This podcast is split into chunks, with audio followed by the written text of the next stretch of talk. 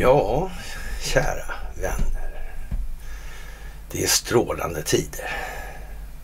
Härliga tider. Som eh, Tor Modén plägade säga. Ja, det var inte i pensionatparadiset. Men Sverige är lite eh, som pensionatparadiset skulle man kunna säga. Det utges för att vara det ena och är det andra och det är rena rama jävla Hotel California. Ja, du kan checka in. Men det går inte att lämna på grund av lögnerna. Kan det vara så att Sverige anses som en havererad stat på grund av all institutionaliserad korruption? Strålande tider. Härliga tider. Mina vänner, det är måndag. Det är en ny vecka. Och nya veckor, de börjar som vanligt. Ja, med måndagsmys. Ja, vad ska en stackars flicka göra i det här läget? Ja, det kan man fråga sig. Någon som i alla fall gör någonting, det är ju den amerikanske residenten eh, Joe Biden. Han är just nu på besök i Japans huvudstad Tokyo. Den här Japan-företeelsen, vad är det för någonting? Radioaktivitet. Det handlar om atomvapnen, kärnkraften. Mm. Vi kommer tillbaka till det mer. För allra först så ska jag som vanligt tacka för allt ni gör. Det blir bara bättre och bättre dag för dag. Mm. Det finns mycket som sagts genom åren. Och eh, man ska tänka lite på vad man önskar sig nu tror jag kan vara lite vanskligt att önska sig dumma saker. Om man uttrycker sig lite hovsamt kanske då. Ja, ni ska ha det största av tack för gåvor på Swish och Patreon. Det är jätteviktigt nu. Nu måste vi så att säga, vidga densiteten på informationen i det här. Och ni märker ju, det kommer ju fler och fler. Så att säga, jag sitter inte alena längre och mässar bara, utan nu kommer det fler och, som håller på i det här. Och det är viktigt att tänka på. Det är en hel del arbete och förflyttningar och utrustning och sånt som måste till i det här. Men vi har inget annat att tillgå än oss själva. Så är det också. Så ni ska ha det största tack för det. Och eh, ni ska också ha ett jättetack för att ni fördjupar er på karlnorberg.se och det är som sagt det är viktigt att stå upp för sig själv i den delen. Det är viktigt, viktigt, viktigt och inte ta vägen över enkla förklaringar med svepande argument utan saklig grund. Det är mycket viktigt. Och ni ska som vanligt ha det största tack för att ni hakar på Telegramtjänsten. Det är jättebra helt enkelt. Fantastiskt att få göra det här tillsammans med er. Det måste jag säga. Perfekt. Ja, som sagt, underlivsporslinet är i Japan på lite besök då och ja, vad ska vi säga? Först ska vi som vanligt torka ögonen då som alltid vi glömmer att göra innan. Det är en, liksom en tradition att låta bli det. Det har till och med blivit som en sån här, ja vad ska man säga, lite vidskeplig grej ungefär som ska göra en knäböj. Måste alltid dra åt bältet och låsa det mot den vänstra stolpen. Liksom. Så det är sådana grejer man får för sig. Om man har gjort tillräckligt många så får man det. Det är sant. Det, det är ovig, det är en naturlag så. ja, ja. Och eh, ja, det här meddelade han då under en presskonferens då att eh, USA kommer involveras i militärt för att försvara Taiwan vid en invasion va, som väntat kom det ett svar från Kinas utrikesminister att man resolut motsätter sig det här uttalandet. Och det säger Kina-korrespondenten Björn Djurberg då för Sveriges Radio. Och, och ja, det har vi lite som eh, grund för den här lilla, för, eller den här lilla, ja, samman, samkvämet då, lilla, lilla myset då sådär, mys mys. Ja, och vi kommer tillbaka till det och vi måste ta lite historiska exposéer hela tiden för det handlar mycket om att man ska förstå de här grejerna.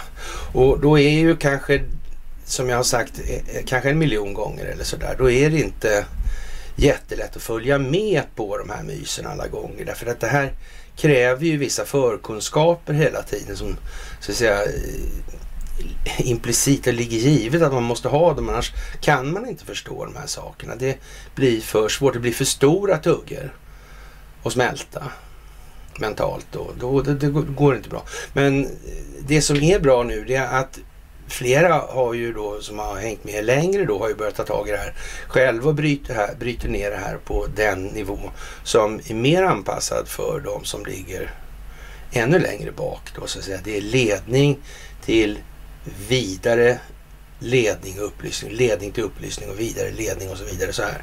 Och, och det är det liksom som är själva metodiken för, eller ja, pedagogiken i det här ja, stingoperationsbaserade folkbildningsprojektet som pågår nu världen över. Det är alltså den djupa staten som bekämpas koordinerat från en rad olika länder.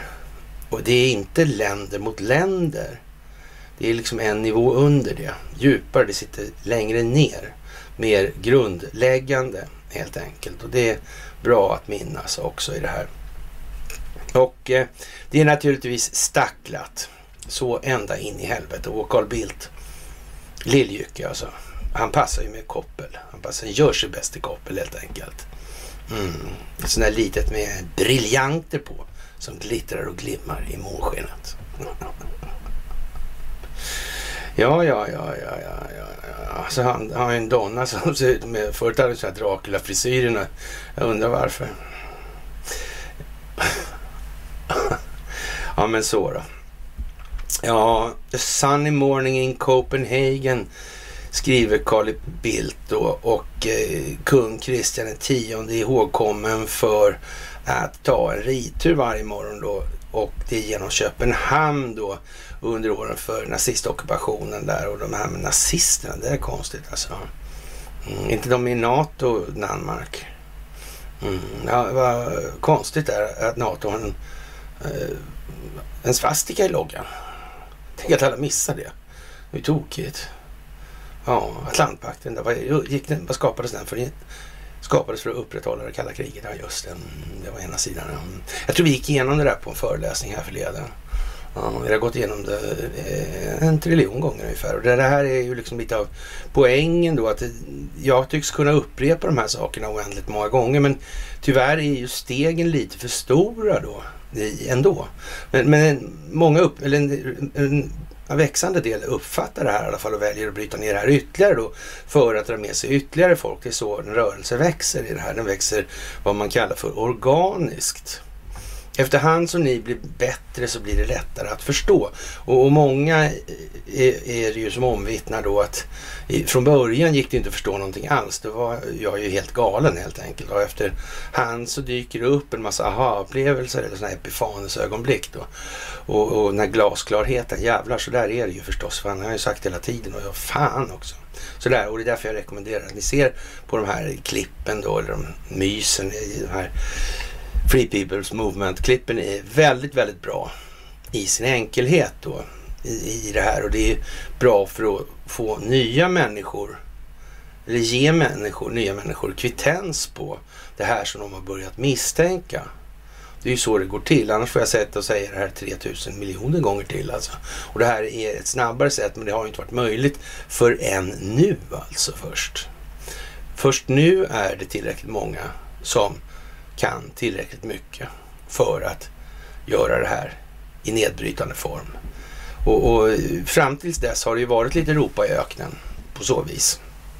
Och så har det då samlats en kader av sådana här galna sektmedlemmar då som, som ja, är helt tokiga helt enkelt. Mm. Sådär. Jaha, och det här gör, gjorde alltså den här Kristian X då som Carl Bildt beskriver. Han gjorde det här då för att, att lyfta upp stridsmoralen, höll jag på att säga. moralen kanske, det vet jag inte heller om man kan göra. Ja, hos den danska befolkningen. Ja. Men det där låg ju långt bak alltså på något vis. Alltså. För det var den djupa staten fanns då. Den fanns definitivt då vid den här tiden. Vi kommer ihåg det här med svastikerna. Mm, och vi kommer ihåg Masea. Kommer ihåg alla de där grejerna numera. Jävligt många kommer ihåg det här nu och förstår att det här är ju någonting, det kan inte vara bara en tillfällighet. Hur kan man vara så jävla otaktisk som man använder den här loggan på det viset som man har gjort sedan Finland inte minst alltså. Ja, till och med presidentflaggan. Och på flygvapnets ja, flagga. På flygplanen till och med. Alltså. Fram till 2020. Det är ju liksom inte hundra år sedan det inte. Mm. Det här är konstigt. Det är märkligt hur det kan bli. Det var ju det där med Mannerheim, det var det där med Gertrud, Kalle Wallenberg där, det var med Adolf Hitler, det var det där med födelsedagen, det var inspelningen i den här vagnen och så vidare och så vidare och så vidare. Så här. Ja. Mm. Och nu Kina. Ja, ja. ja, ja, ja, ja, ja. Ja, det är fantastiskt helt enkelt. Vem var det som egentligen låg bakom det här spektaklet 1864 då? Det är mitten på 1800-talet händer ju massa grejer. Somliga bildar banker, kvinnorna får egen ekonomi och då låg det i liksom paket, finns dubbelt så mycket bankkunder plötsligt. Så där fick jag egen ekonomi alltså. Så det, det var så kvinnorna fick. Ja. Ja, de var ju liksom lite genusföregångare där då. Mm, de hade ingenting med saken att göra. Det fanns en biskop där någonstans. Alltså, I de där faggorna där. Ja. Han dog väl 33 tror jag i och för sig. Men... Ja.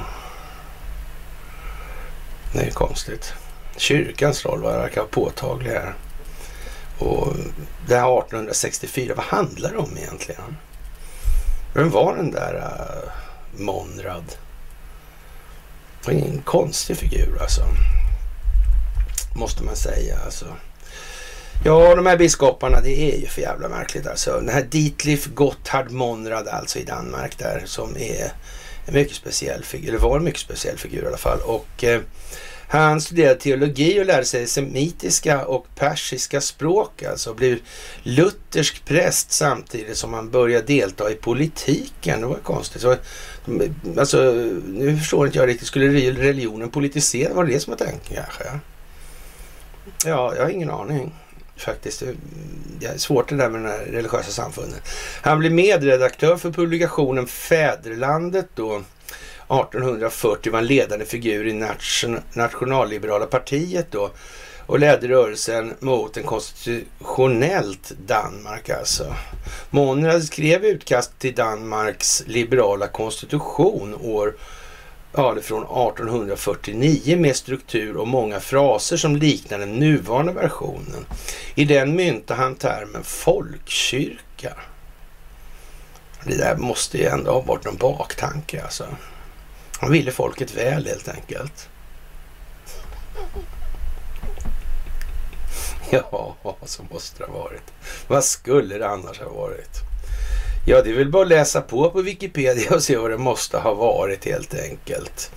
Ja, konstitutionen var ganska demokratisk för sin tid, ja, det tror fan det. Till stor del ett resultat av de politiska och filosofiska ståndpunkter som Ditlev Monrad då formulerade. Monrad blev den första skol och kyrkoministern i Kultus. Ja, ja kyrkoministern Kultus, ja. ja en odling där av något slag alltså. Mm -hmm. Ja, undrar jag. 1848, han innehade samma befattning 59 såväl som 60 till 63. Han var även inrikesminister 60 till 61 i 1800 vi pratar om. Riksdagsledamot 49 till 65 förutom tre månader mellan två val 53. Han var biskop i Lolland, Falsters stift 49 till 54 och ständig sekreterare i kultusavdelningen 55 till 59. När kriget närmar sig mot råd från andra nationalliberala ledare bildar Monrad en regering efter Halls avgång på grund av oenighet med Kristian den nionde alltså. Mm.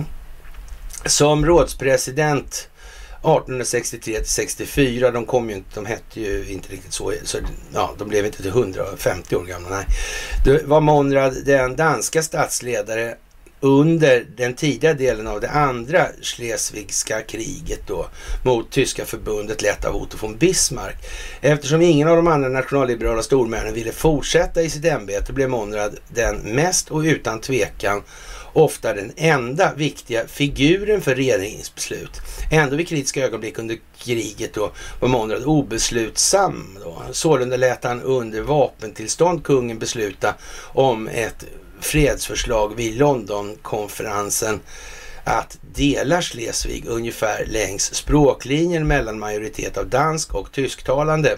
Se även Schleswig-Holstein-frågan. Kungen som hade en orealistisk hade ett orealistiskt hopp om att upprätthålla en personlig union då eh, med hertigdömena avvisade konferensen slutade utan resultat och kriget återupptogs vilket resulterade i yt ytterligare ett militärt nederlag. Jag har tagit upp det där 500 gånger snart alltså.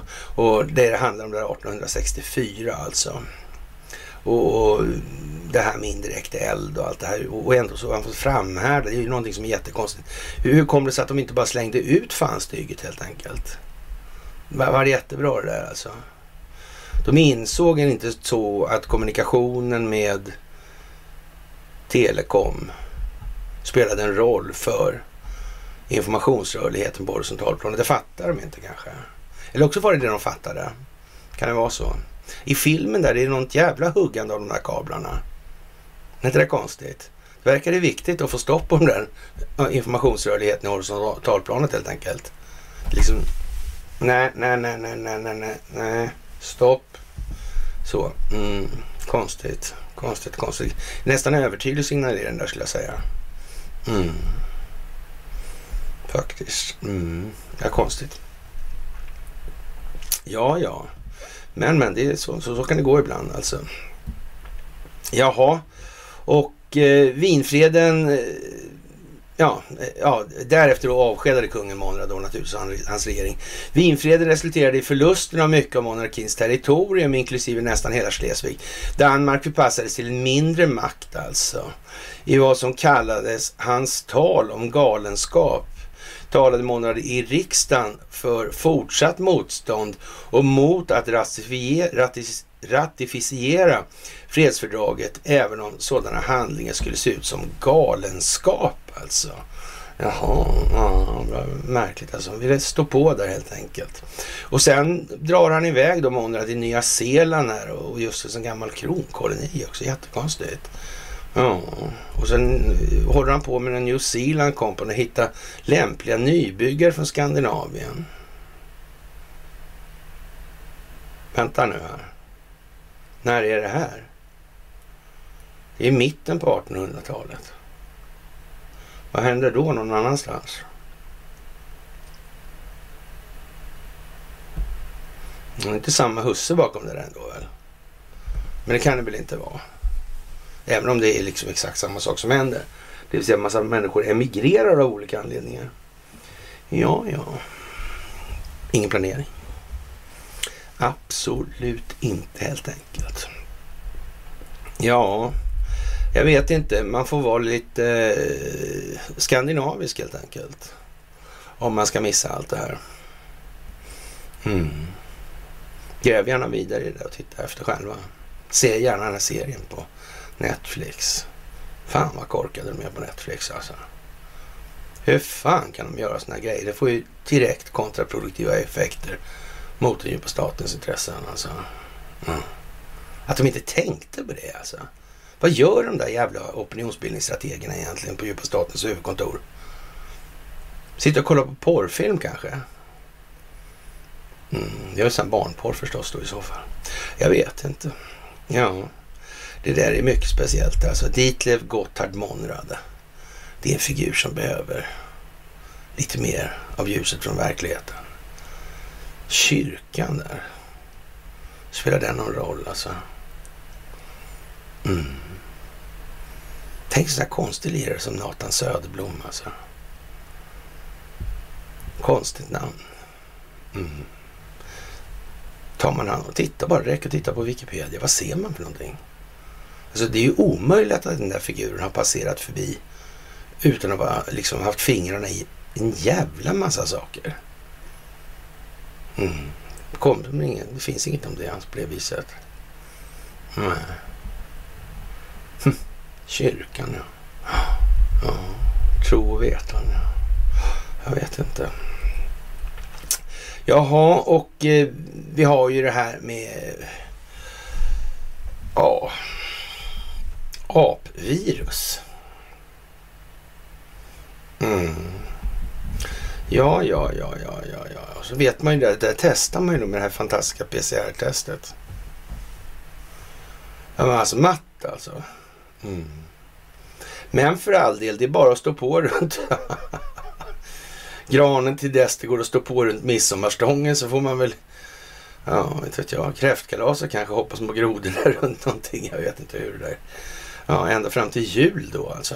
Mm. Och så får vi hålla på.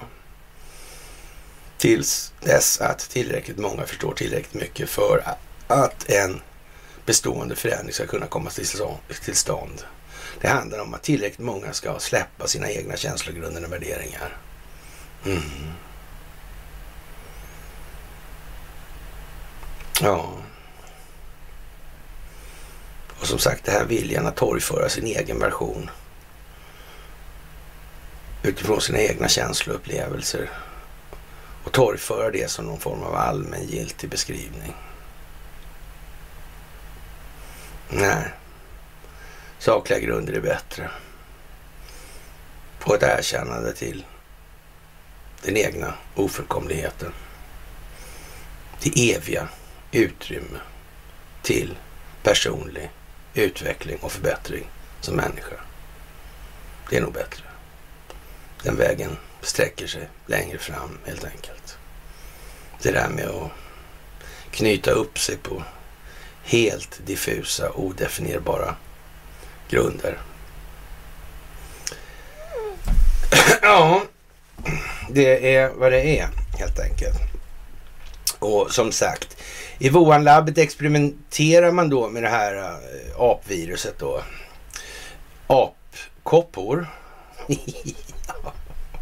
Vad fan ska man säga? Jag vet inte. Det, det, är fantastiskt. Det är helt fantastiskt alltså. Ja, och är det någon som tror att det här var hela förloppet är, är kontrollerat eller kapat då så att säga. De har fått hålla på och att allting finns så att säga bevarat till eftervärlden ungefär som företeelsen Ukraina under de senaste månaderna. Mm. Tänk så det kan bli. Det är som sagt jordens genom tiderna största stingoperation. Det har aldrig någonsin förekommit en sån monumental fint för att leda verkligheten till sitt rättvisande ljus. Mm. Det är rätt många som har en så att säga, rätt så förvrängd bild av verkligheten som till en följd av den djupa statens psykosociala påverkan. Det är också så. Det ska man tänka på. Ja, som sagt, det är ju liksom det här med att försvara Taiwan alltså. Okej, okay, det är ju konstigt alltså. Och, och Donetsk och Lugansk då är... Eh, de har ingen rätt att tycka att de är självständiga, men Taiwan har det. Man kan säga så här, det är rätt så monumental inkonsekvens i det här resonemanget. Mm. Kontradiktivt skulle man väl kunna säga då. Ja, och eh, ja, USAs president upprepar sitt landstöd för Taiwan och sa på måndagen att hans administration är villig att försvara Taiwan med våld om det blir en attack från Kinas kommunistiska parti alltså. Ja, ja om det inte blir en eh, attack då från kommunistiska partiet, om det blir någon annan då? Eller är det bara så? Det, det finns inga andra intressen i Kina. De där intressena som på ett brutalt vis lägger sig i Kinas inre angelägenheter, de finns inte. Det är ingen så att säga, del i den här ekvationen eller del i det här ekvationssystemet överhuvudtaget. Nej. Mm. Ja, jag vet, vad jag, vet ni vad jag tror? Jag tror ni skulle tycka det var jävligt löjligt om jag satt och daddade. Det är liksom inte så många som tittar på det för dadda. De flesta, om inte de tycker det är roligt när de fattar, så, så blir de irriterade och ger sig fan på att de ska fatta. Jag tror det är är så faktiskt. Och det är jävligt bra faktiskt. Mm. Ja, ja, ja, ja, ja. En reporter frågar Biden om det skulle vara villigt att engagera sig militärt för att försvara Taiwan om det kommer till det läget. Alltså under presskonferensen den 23 maj i Tokyo svarar han med ett platt ja. Så är det alltså. Och det åtagandet vi gjorde, säger underlivsporslinet då. Titta här är situationen. Vi håller med om ett ett Kina-policyn alltså. Vi har skrivit på den och eh, ja, konstigt. Och alla avsedda överenskommelser som gjorts därifrån. Men tanken att Taiwan kan tas med våld. Ja, det, om de har skrivit på att det är ett Kina och ingår i Kina så är inte jag säker på att eh, det här rim, rimmar riktigt bra med att kritisera Ryssland för att göra som man har gjort i Ukraina. Och återigen det här när, ja, så att säga, verksamheten som Ryssland har bedrivit i anslutning till Ukraina. Det är alltså ingen reguljär verksamhet, som är, inget invasionsföretag på det sättet alltså. Och det har vi ju pratat om miljarder gånger också. Men, men eh, som sagt, det, det, det, är en klinisk operation. Vi kommer komma tillbaka till det här. Alltså det är en riktad insats mot särskilda mål för att åstadkomma vissa eftersökta effekter i det här. Och det är klart att och om man nu upplever från rysk sida, och det kan man ju göra, det måste vi acceptera, för det, det är svårt att tolka det på annars. Det här med att EU är ett CIA-projekt, det, det, är ju inte så mycket att be för eftersom det finns öppen dokumentation om den saken. Och om man inte orkar leta efter den öppna, öppna dokumentationen så kan man alltid använda sökrutan på bloggen alltså. I de här sammanhangen. Och, och det har vi beskrivit då rätt så länge och det handlar ju oftast om det kalla kriget i det här. Och det handlar om familjen Dall, det handlar om familjen Wallenberg och så vidare. Det handlar om George Kennan och så vidare i det här. Mm. Så är det ju. Så är vi tillbaka i Japan med det här jävla atomvapnet och när det gäller atomvapnet så, ja, vad man säga. Det är ju konstigt det där med Norsk Hydro. Det är konstigt med Christian Kirkeland, Birkeland. Ja. Det är konstigt. Mm. Sen den här Eider. Märkligt, märkligt, märkligt. Frånfället där. Fan vad konstigt med den avhandlingen. Mm. Tänk om de har vetat hur det här har fungerat. Ända sedan Birkelands dagar, sedan 1906. Och resten är teater. Det har ju inte oljeindustrin förlorat på i alla fall. Har man det som påtryckningsmedel, man kan alltid kan släppa loss atomkraften och tala om hur det egentligen förhåller sig. Då kan man tänka sig att de som äger oljeindustrin blir rätt lydiga. De behöver liksom inte bry sig så mycket om den andra skiten då. Gör som vi säger. Punkt. Vi tar hand om kraftförsörjningen. Ni får hålla på med skitgörat. Vi håller inte på att kladda ner oss med olja. Om inte vi måste bara för lite för syns skull kanske möjligen. Typ som att, ja, någon jävla oljeborrplattform som välter och någon presskonferens och lite sånt där skit. Ja, för att visa goda viljan mer eller mindre. Mm. Det är inte fantastiskt att säga. Strålande tider. Härliga tider. Mm. Ja, ja, ja, ja. ja. Pensionat Paradiset eller Hotell California. You never know you know until you know. Jaha, och eh, ja, alla ensidiga försök att ändra status quo med våld som vid Rysslands aggression mot Ukraina bör aldrig tolereras i Indostilla havsområdet, framförallt i Asien, sa han med en barnslig stämma och där på röst. Nej, sa han med hänvisning till Kina. Ja, eh, så att säga, baserat på denna delade medvetenhet har jag uttryckt min beslutsamhet att i grunden stärka Japans försvarsförmåga och säkerställa en betydande ökning av dess försvarsbudget och president Biden har ganska starkt stött det här alltså då. Ja, jag vet inte. Japans premiärminister Fumio Kishida. Mm. Han var med där alltså. Och han kanske slikar sig om munnen lystet och tänker en serafimer skulle sitta fint alltså. Bara det liksom. De här globalist, globalistintressena, de har på något verkligt vis hela tiden, eh, ja, haft sådär, det var konstigt att de här utlänningarna som har fått den här Serafimråden då som, ja, shahen och sådana här alltså. Mm. Hur kommer det här sig egentligen? Vilka stora insatser har de gjort för landet? Undrar för vem det alltså? Utrikespolitiken vet du vem som har styrt det tror jag. Vi kan vara överens om. Mm. Jag undrar hur fan, det, det verkar direkt olämpligt. Skulle jag säga med avseende på vilka nyttointressen som har gynnats. Det är inte någon som håller med om det. Jag tror det gör det faktiskt. Ja, ja, ja, ja, ja, ja. Jaha, ja, det är lite trevligt det där i alla fall. Så här. Det kommer vi tillbaka till. Och eh, ja, Belgien är det första landet inför obligatorisk karantän för Eh, personer som har symptom på apkoppor och, och de med symptom kommer att därför behöva isolera sig till deras symptom avtar. Och vilket förväntas ta cirka tre veckor och Belgiens riskbedömningsgrupp RAG och hälsomyndigheter sa att de smittade kommer att behöva isoleras i 21 dagar, skriver Metro. De uppmanar alla med symptom att uppsöka läkare och som sagt PCR-testet är ju fantastiskt. Mm, det kan visa vad som helst. Det är bara att köra upp antalet cykler. Mm. Till slut hittar man det man letar efter kort sagt. Jaha, det är ju fan jävla bra alltså det här. Ja, och, och det smittar ju främst som eh, vid sexuell aktivitet sägs det då. Och eh, Green Ape Theory, en intellektuell höjdare, kan man väl skoja till det med. Och Tom Bobadil, Master of Woods, Wood, Water and Hills, en vattendamm och berg alltså. Wallenberg. Ja, där fick du till det Martin Stensö. Det var bra. Ja, terrorismens livmoder och det är ingen nothing personal alltså. Och det handlar om Ann Linde och eh, en liten presskonferens här. Och det här med att vara livmoder för olika terroristgrupper. Ja, Turkiet har uppenbara problem att acceptera sån verksamhet inom NATO. Konstigt. Mm.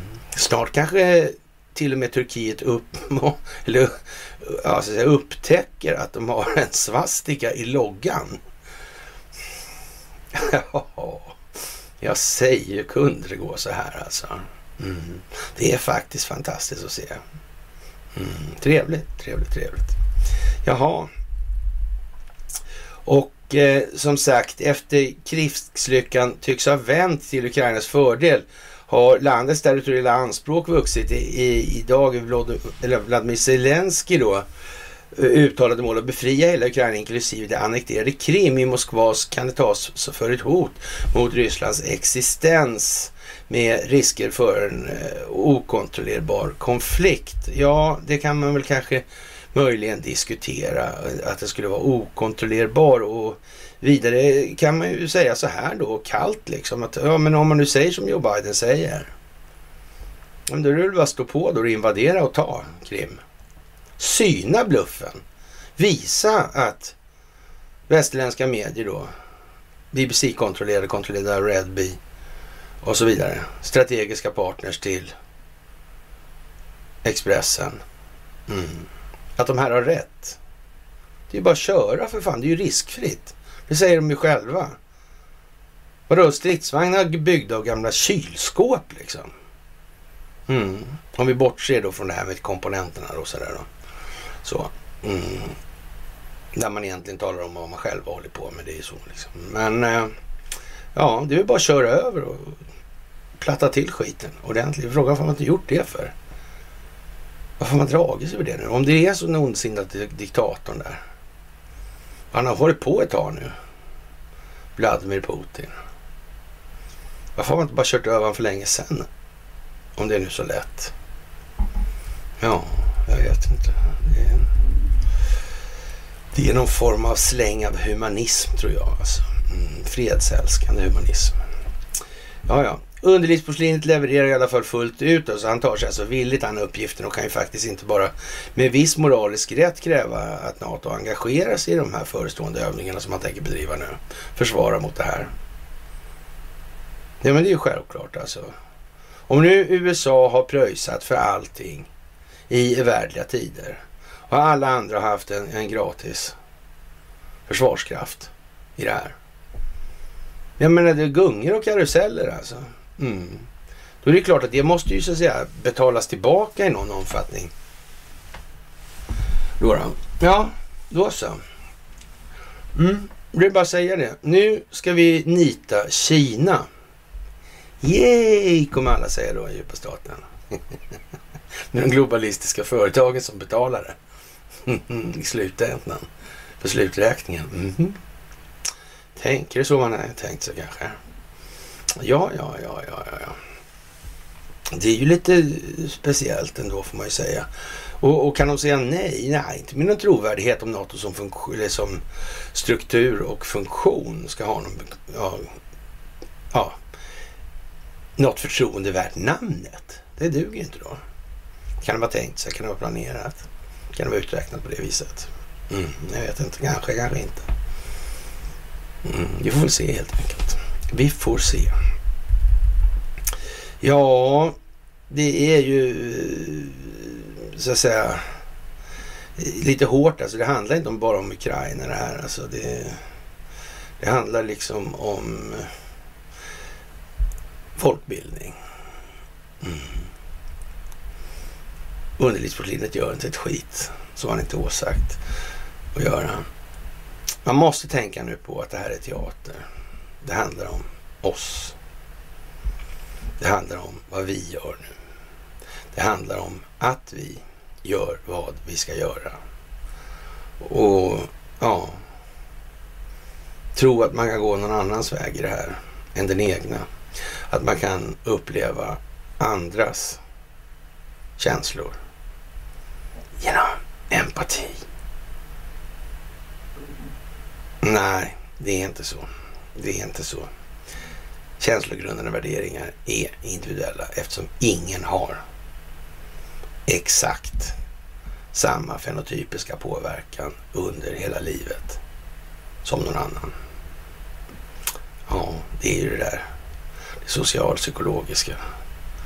Inte två individer har likadana. Det finns inte på en karta. Det tror jag alla förstår. Det här med preferenskartor, det är lite viktigt ändå. Alltså en dator kan faktiskt räkna ut saker med det. Mm. Sådär. Peking svarar naturligtvis att landet är berett att försvara sina nationella intressen över Taiwan. Ingen ska underskatta det kinesiska folkets fasta beslutsamhet, övertygande vilja och starka förmåga att försvara nationell suveränitet och territoriell integritet säger Wang Wenbin, talesperson för försvarsdepartementet under en pressträff efter Bidens uttalande här tidigare idag. Och det kan man ju säga är lite speciellt i dagens läge. Och ja, det är klart att USA ska kriga på alla front, fronter överhuvudtaget och det blir ju jävligt uttöjt det här och jävligt tunt och svagt. Och det innebär ju att då måste ju alla hjälpa till och det är perfekt att Sverige går med då. Då kan vi skicka alla de här bandvagn 206 som finns på 86an och på, eller som fanns igår på 86an och på E14. Då kan de ta liksom åka dit ner då, eller köra eller ta, inte vet jag, någon färja kanske, jag vet inte. Eller bort till Taiwan alltså. Mm. ja, ja, ja. Vad fan vad bra alltså. Mm. Jaha, Moskva förhandlar med Ankara så att turkiska företag stannar länge i Ryssland och gör lönsamma investeringar, sa Moskalenko, ordförande för det ryska rådet för köpcentrum. Vi går in i en ny fas med förhandlingar om att ersätta varumärken som lämnar Ryssland med turkiska varumärken. Vi förespår Ja, man kan prognostisera lite här alltså. Att i höst kommer 3 miljoner kvadratmeter motsvarande 420 fotbollsplaner alltså tomma över hela Ryssland. Måste vara en jävla rolig uppgift att få till sig då som... Eh, nu är det ju redan sagt att den som har det som svenska kommer inte tillbaka, men det finns ju fler alltså. och, och ja, men så att säga, eh, ja, vad ska man säga? Ja, ja det är som, eh, sådär alltså. Ja. ja, det är ju lite sådär faktiskt. Ja, vi förutspår ja. Mm. De tittar i T-blad då nämligen. Mm. Det finns ingen planering alls. Eh, och tur är faktiskt inte heller när omständigheter kommer till förberedelse, utan det är någonting annat. Mm. Ja, ja, ja. Otur, det är inte när man är oförberedd i förhållande till omständigheterna som kommer till. Nej, nej, jag vet inte. Ja, ja. Jaha. Eh, eh, ja, Turkiet kan inte lägga åt sidan Stockholms sanktioner mot Ankara när man diskuterar Sveriges NATO-medlemskap, säger Erdogan. Tidigare har Financial Times skrivit att Turkiet blockerade starten på processen för att överväga ansökan om att Finland och Sverige ska gå med i NATO. Ja, undrar om de har några eh, övriga informationer i de här sammanhangen. Kan det vara så? Mm. Det här med PKK är konstigt alltså. Och, och nu har PKK uttalat sig och PKK får man nog anse eh, om inte startad med korruption så är det, är det förmodligen inte. Men det, det ja. Underrättelsetjänsterna gjorde sitt jobb väl då. Korruptionen kom. Så är det ju. En gång var det kassörn som drog med hela kassan också, fick jag höra en gång. Av någon som var väldigt initierad i de frågorna. Mm, det var lite sådär va. Ja, ja, det är klart. Och som sagt Netflix och, och det här, det är ju lite mm, som det är. Ha, Per och Conny kör kunskapsträdet då. Yggdrasil höll jag på att säga, men livets träd då. Och ja, det är ju som det är. Så springer den jävla ekorren upp och ner. Sabbar och räta tosk alltså. Mm. Ja, ja. Det där är lite speciellt. Mm. Men som sagt, det här är bra va? och det här är viktigt. Och katten har kommit ur påsen och nu har den vuxit till en tiger som inte tiger då. Och, och, det är ju det som sagt, nu plockas det här ner i sådana delar som till och med små barn kan förstå i det här. Och då kan vi öka, kan vi öka steglängden helt enkelt. Och eh, nu kan vi väl snart börja gissa på att eh, Jallarhornet eh, kommer skalla åt andra hållet. Ordentligt, inte bara börja böja om lite grann som vi kan se prov på i Svenska Dagbladet under helgen. Mm. Tänk att de gör sådär konstigt. Mm. Vi kommer tillbaka till det strax här ska ni se. Jaha, Ja, som sagt, terrororganisationen PKK har nu för första gången uttalat sig om Sveriges och Finlands ansökningar till NATO. PKKs talesman Sagros Hiva säger till Norska Världens Gang att Turkiet har utnyttjat NATO för att stilla kritik mot massakrer, invasioner och brott mot mänskliga rättigheter. Och, och det kan man ju faktiskt säga. Så det stämmer ganska bra. Men det hör vi inte så mycket om, alltså av någon anledning. Och, och, nu är det ju väldigt svårt, när, när man säger sådär, då är det ju väldigt svårt för folk att, så att säga, som är NATO-positiva att sympatisera med PKK. De måste ju välja liksom. Kan inte säga det ena och det andra. Mena två, säga två olika saker och mena båda. Alltså mena att båda betyder samma sak, det går inte. Det är inkonsekvent alltså. Eller logisk inkonsekvens. Jaha, det, det, får man ju säga är lite speciellt. Ja, och eh, det är bråttom som fan i USA. Elon Musk han söker stridslystna advokater av någon anledning. Och eh, i anledning av det här så har eh, Jim Jordan då, han som har suttit i ja, underrättelsetjänstutskottet där tillsammans med Trey Gowdy och de här.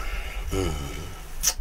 Och han skriver så här, han har twittrat så här. Eh, Christopher Steele skapade den här dossiern och Glenn Simpson eh, sålde in den hos pressen.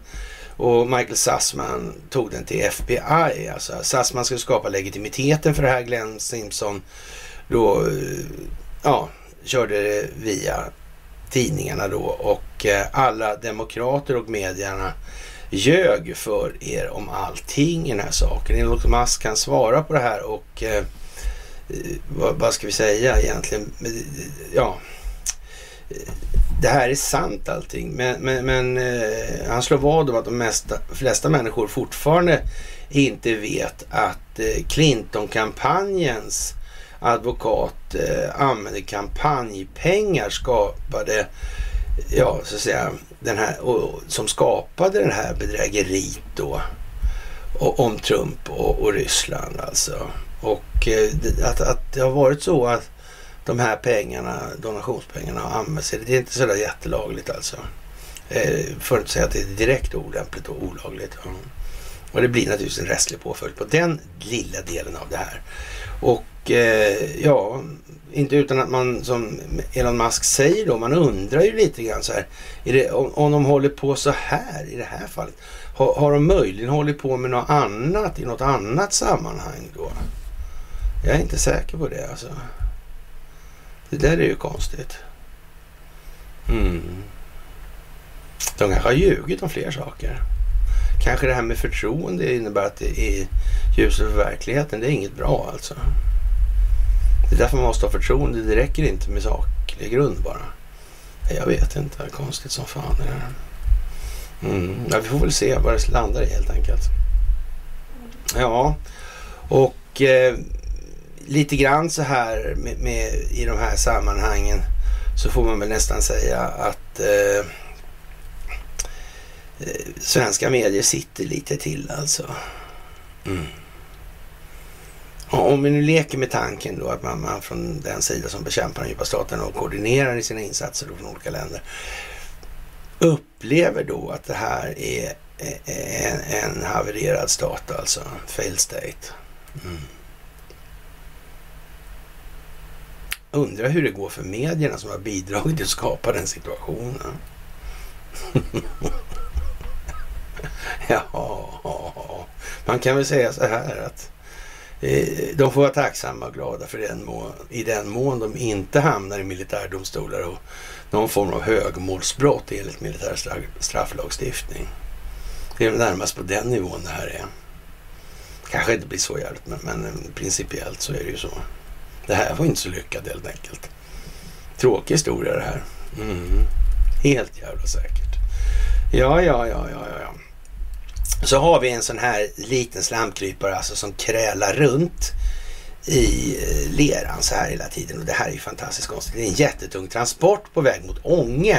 Och den väger 700 ton och själva prylen de släpar på här, en generator då, eh, ja, den väger 400 ton, 700 ton totalt ekipaget alltså. Den är 106 meter lång.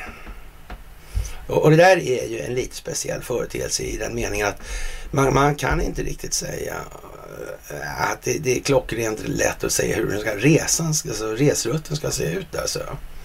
Färdledaren där, alltså. Mm, marschledarna. Mm, jag vet inte fan alltså.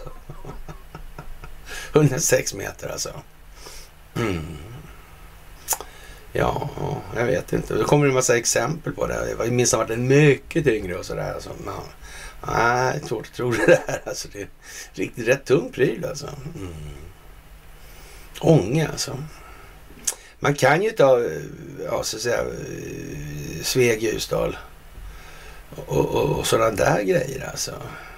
Och, och Rätansbyn och sådär alltså. Ja, men med 106 meter långt ekipage. Nja. Och vägen genom Rätans. Med de källskotten. och, och, och det är eh, hjultrycket. Mhm. Mm. Mm. Även om det är 64 axlar så vill jag påstå att det är tungt i alla fall. Vägbank, tänk om vägen välter. Ja, ungefär så alltså. Och så med andra hållet då. Nu vet inte jag exakt hur den här platsen ligger. Så många, för en sak är helt säker, att under järnvägen kommer den inte. Och har du missat att räkna med järnvägen, då kan vi säga att det blir driftstopp till, på rälsen till, till Trondheim. Så är det ju också. Mm. Fast problemet är när om man ska gå andra hållet. Då, så, då ska den gå på E14. Hur fan kommer den upp på E14 överhuvudtaget? Jag menar, man svänger vänster där vid Kubal då, alltså direkt av E4. Och, och så ska man under, under då Ja, nedfarten så ska man runt i den här rondellen då, med 106 meter långa. Jaha. Hur ska det? Den avfarten går inte, det är helt säkert. Och skulle man komma igenom den så blir det bara trängre. Ja, det går ju liksom inte att svänga upp på gamla E14-sträckningen då. Och köra förbi den här Sundsvalls judoklubb och det där, det går ju inte. Och, och, och de här knixarna då nere vid Scandic, det går inte heller. Hotellet alltså, det, det där funkar inte. Ja. Och då, då, får vi väl nästan säga att om det visserligen kan man säga så om det ligger på norrsidan och, och, om eh, järnvägen då. Då, då. då, kan man väl kanske möjligtvis se det som möjligt, men jag vet inte fan alltså. Ja, man, man, kommer inte ut på andra sidan i alla fall. Det är helt säkert. Då måste man köra under järnvägen och det går inte. Finns inte en möjlighet. Nej. Ja, det där är märkligt. Det, det känns som att... Det, och så all, från början var det ju bara lite grann och nu är det jättemycket om det där. Mm. Om det där, kan den här åstadkomma någonting den här historien? Så, nu är det så mycket omskrivet det här. För det, naturligtvis, varför ens opinionsbilda? Varför, varför skapa en medveten om det, medvetenhet om det? Det finns ju massa saker som är viktiga än det här. Mm. Det är nästan som det är lite priming över det. Skapa en medvetenhet om företeelsen för att när någonting väl inträffar så ska man ha en legend att vila på i det här. Det är inte sådär skit ovanligt modus operandi. Man kan säga så här, det är ett rent jävla standardförfarande. Och när man ser den här typen av information och sen ökar densiteten på den helt enkelt. Inte bara intensiteten utan även densiteten i det. Man börjar gå in på alltså axeltryck och man måste förstärka vägbankar och broar och såna grejer. Mm -hmm. Ja, ja, ja. Mm. Ja, det där det är liksom... Det luktar någonting annat lång väg kan man väl säga då. då. Ja, jaha, och eh, som sagt, eh, vad händer egentligen om de här koordinerade krafterna som motverkar den djupa staten faktiskt ser Sverige som en havererad stat? Hur fan går det då? Alltså man kan säga så här, det ju, framstår ju som långt mycket mer viktigt än vad väldigt, väldigt många tycks förstå. Och när jag säger så här att vi måste ju liksom visa att vi har i alla fall en del av befolkningen som faktiskt försöker göra det här till någonting annat än vad massmedierna har gjort det till. I den meningen. Så är det också. Vi måste ju visa att det finns eh, äkta krafter som syftar. Som inte bara tycker att det räcker att rösta fram eh, ett, ja, så att säga, ja, om vi nu ska säga ett knapptryckande gäng då. Som ja, det här med vilka frågor som ska och risken att den funktionen korrumperas, så att det bildas en liga utanför i det här som inte alls... Ja, vägen framåt i det här det är en upplyst och medveten, en mer upplyst och medveten befolkning, en medvetet medveten befolkning. Människor som förstår att de måste ifrågasätta sina känslogrundande värderingar i den meningen. Så är det. Alla kommer inte fatta. Inte tillräckligt många direkt så att säga. Det kommer gå i steg. Det kommer gå i vågor så här. Ledning, eller upplysning till ledning, till vidare upplysning och ledning. Till slut är man nere på en nivå där väldigt, väldigt många förstår. Där de här 3 plus 17 procenten drar med sig de övriga 80 som efterhand som utvecklingen fortskrider så kommer medvetenheten om tio år vara en helt annan i det här följande släptåget på 80 procent än vad den är idag. Så Det är så utvecklingen är stort. Men det går alltså ut på att man ska ha ledning till upplysning och vidare ledning och upplysning. Det är så. Mm. Och då går det alltså inte att... Någonstans måste det börja. Och där måste man dra med sig sådana som själva kan ledare skapa ledare. Det är ju lite av principen i det här. Det är ju bärande i prylen helt enkelt. Kan man inte skapa ledare så kommer det här aldrig fungera. Det går ut på att göra det. Hur mycket ledare kan man skapa? Det är vad det här handlar om.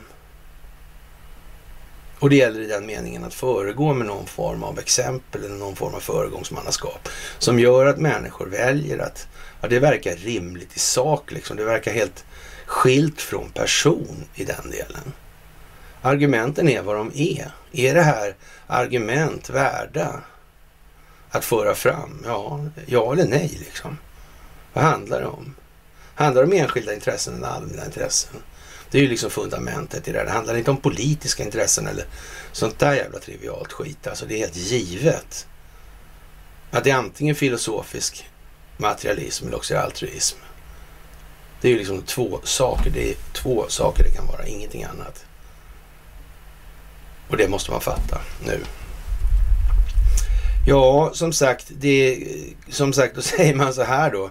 Svenska regeringen kommer då hävda att det framkomna beror på felöversättningar då.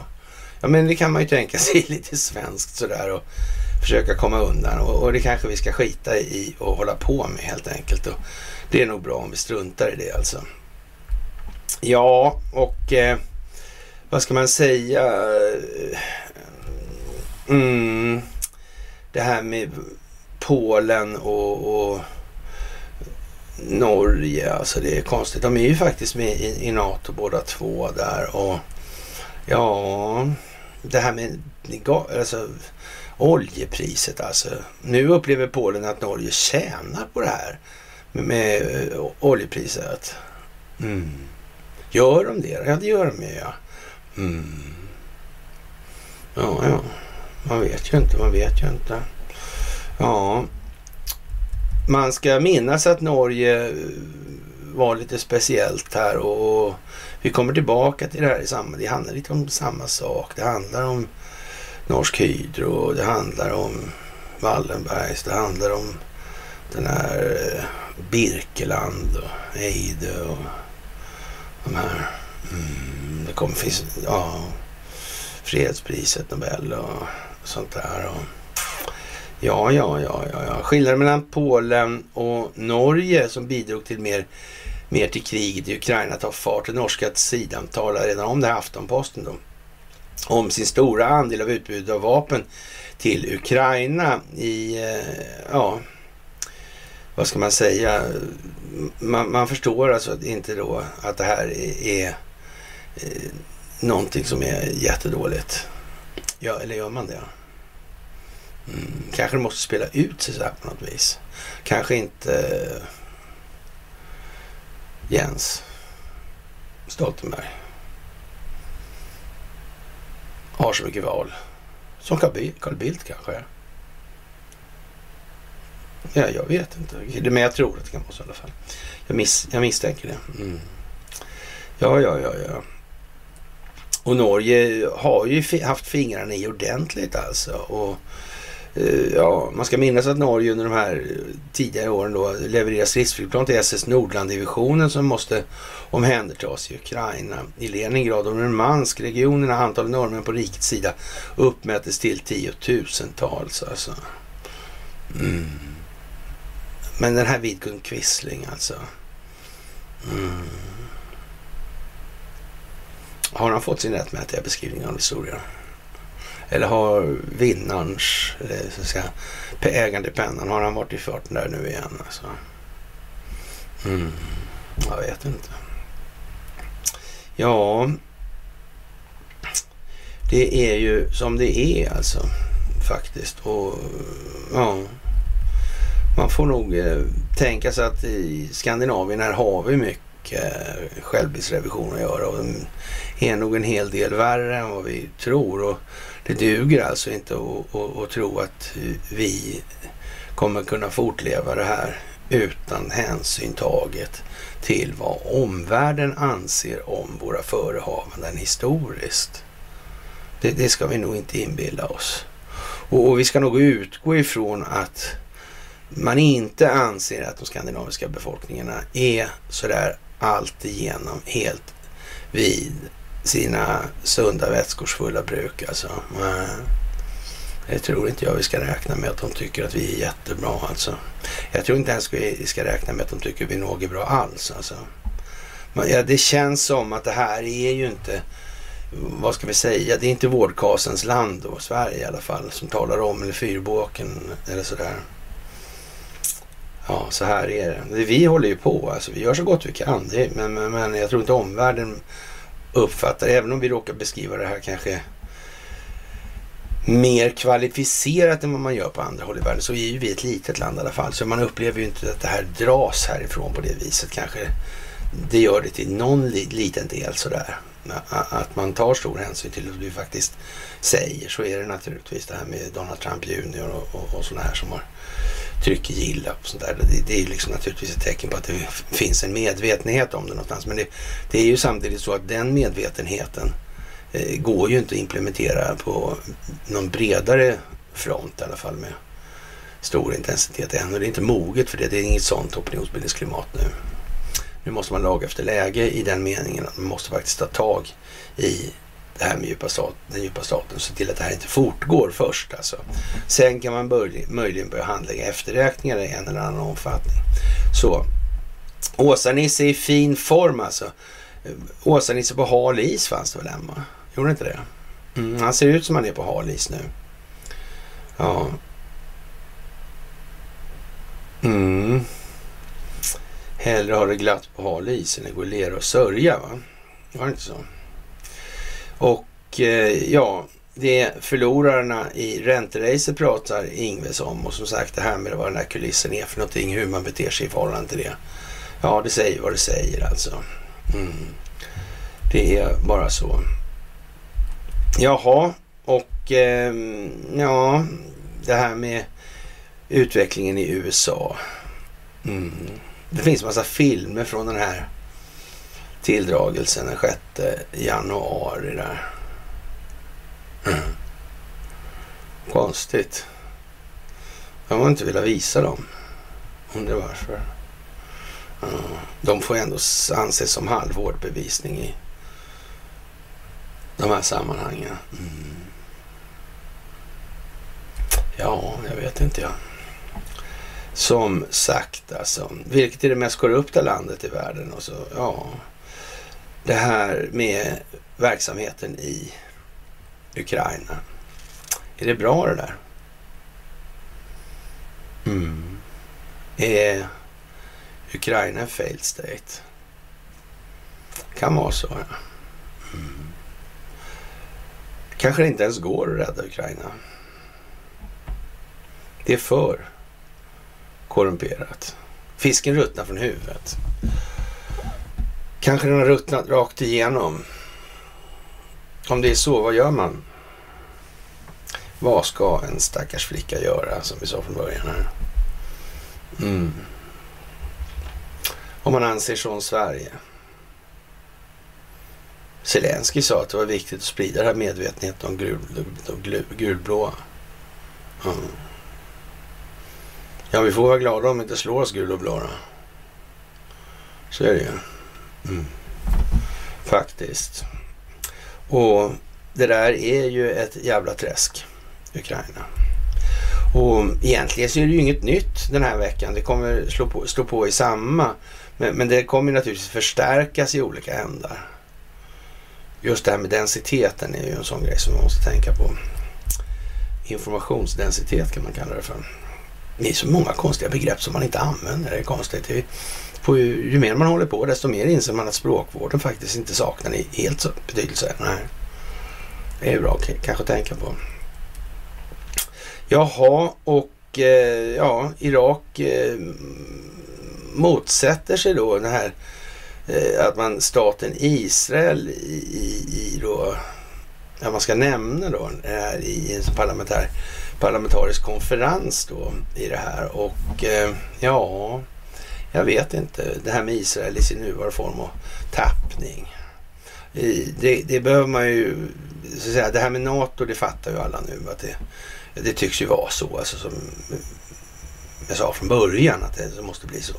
Och, och det här med EU vet jag inte om, om det är någon som tvekar om längre heller. Alltså det, det ser så där ut i den formen och tappningen också. Och, och här, nu kan man väl lägga till lite utan att yva sig allt för jävligt. Då kan man väl säga så här, men om nu Netanyahu sa att Eh, den djupa staten har, så att säga alltid styrt i Israel. Ja, eh, den formen av tappningen verkar i alla fall på väg att i någon mån revideras och för att inte säga att den är helt jävla säkert på väg att upphöra.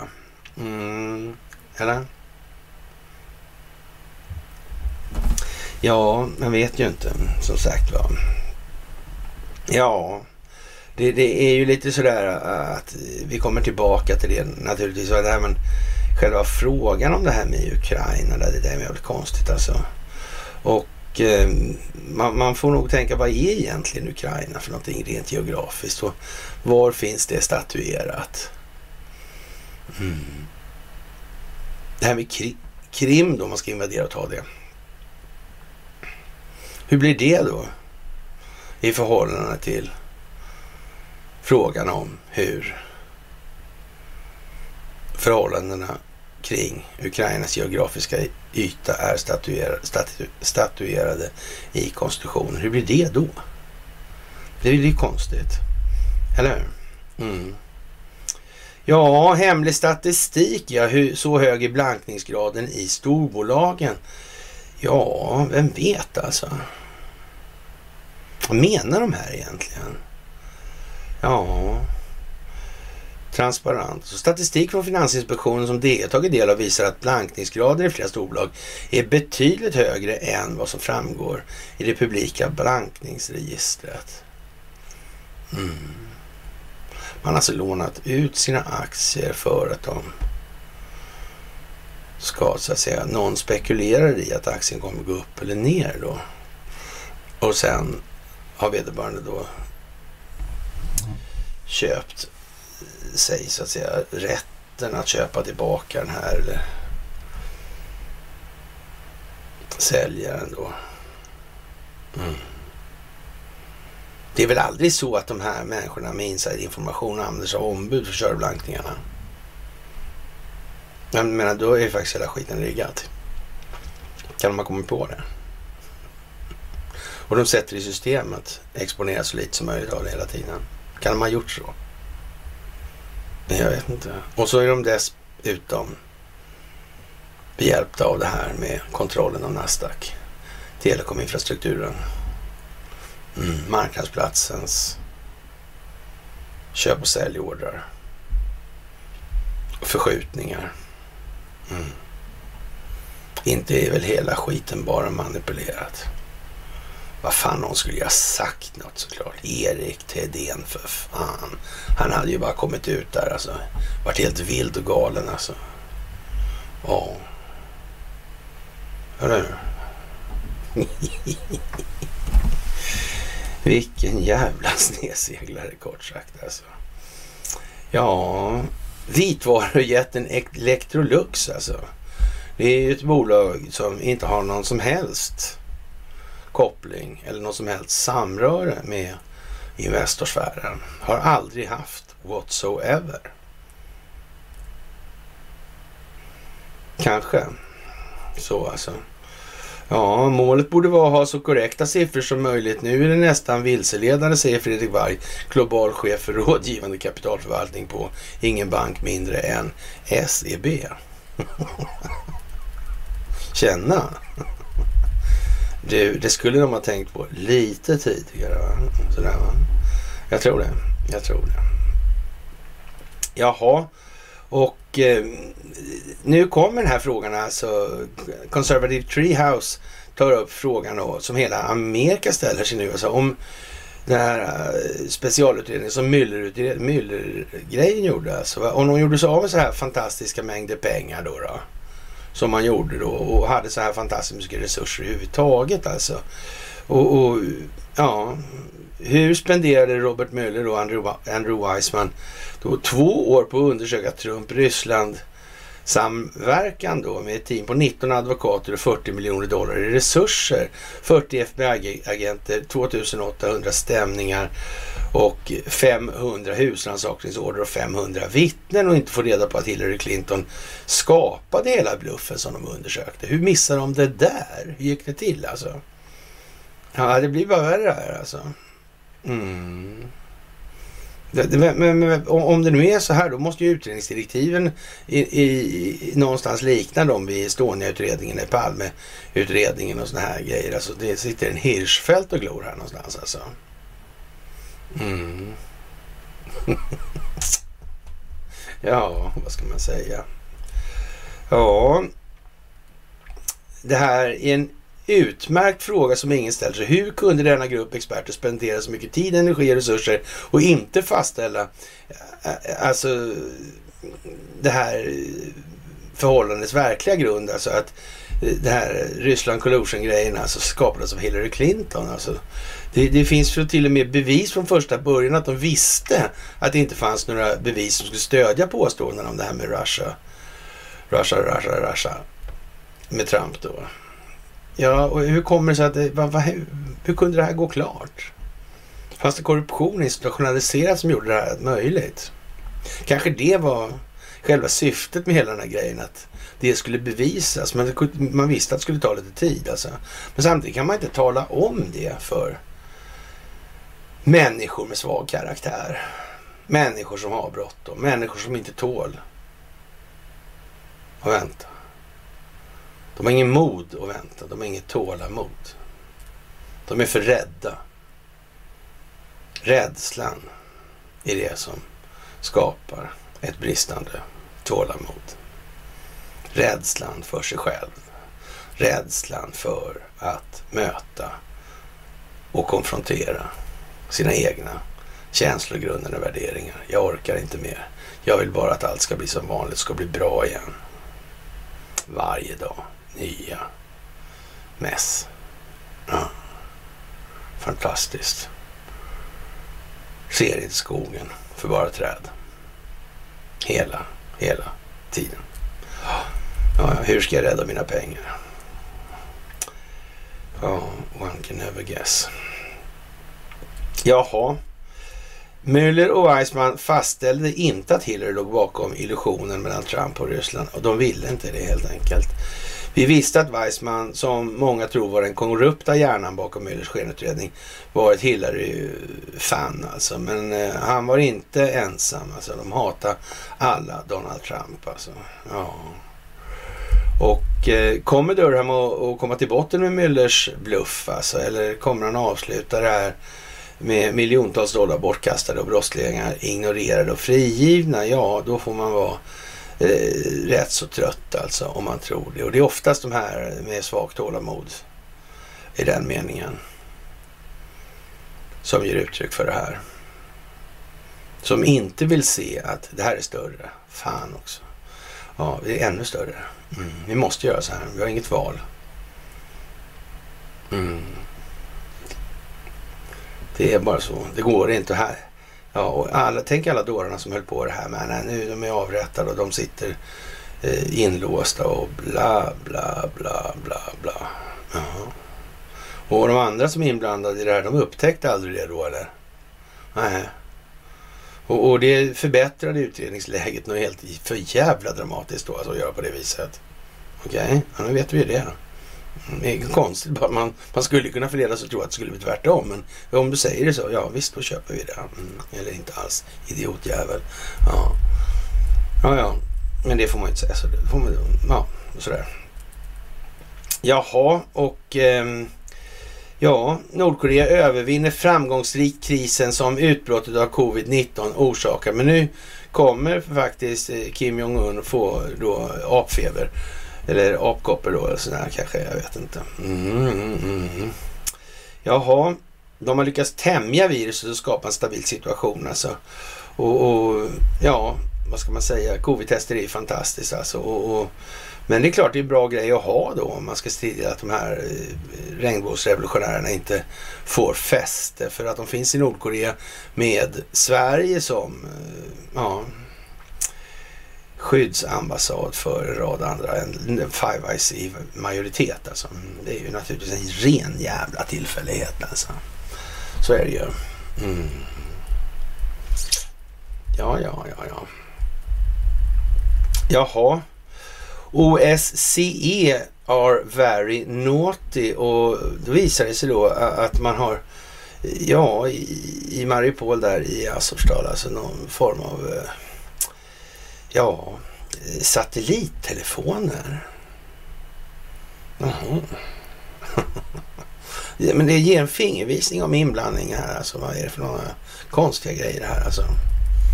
Mm. Undrar varför de här uh, firmorna då som det här med Pepe Escobar och sådana här alltså.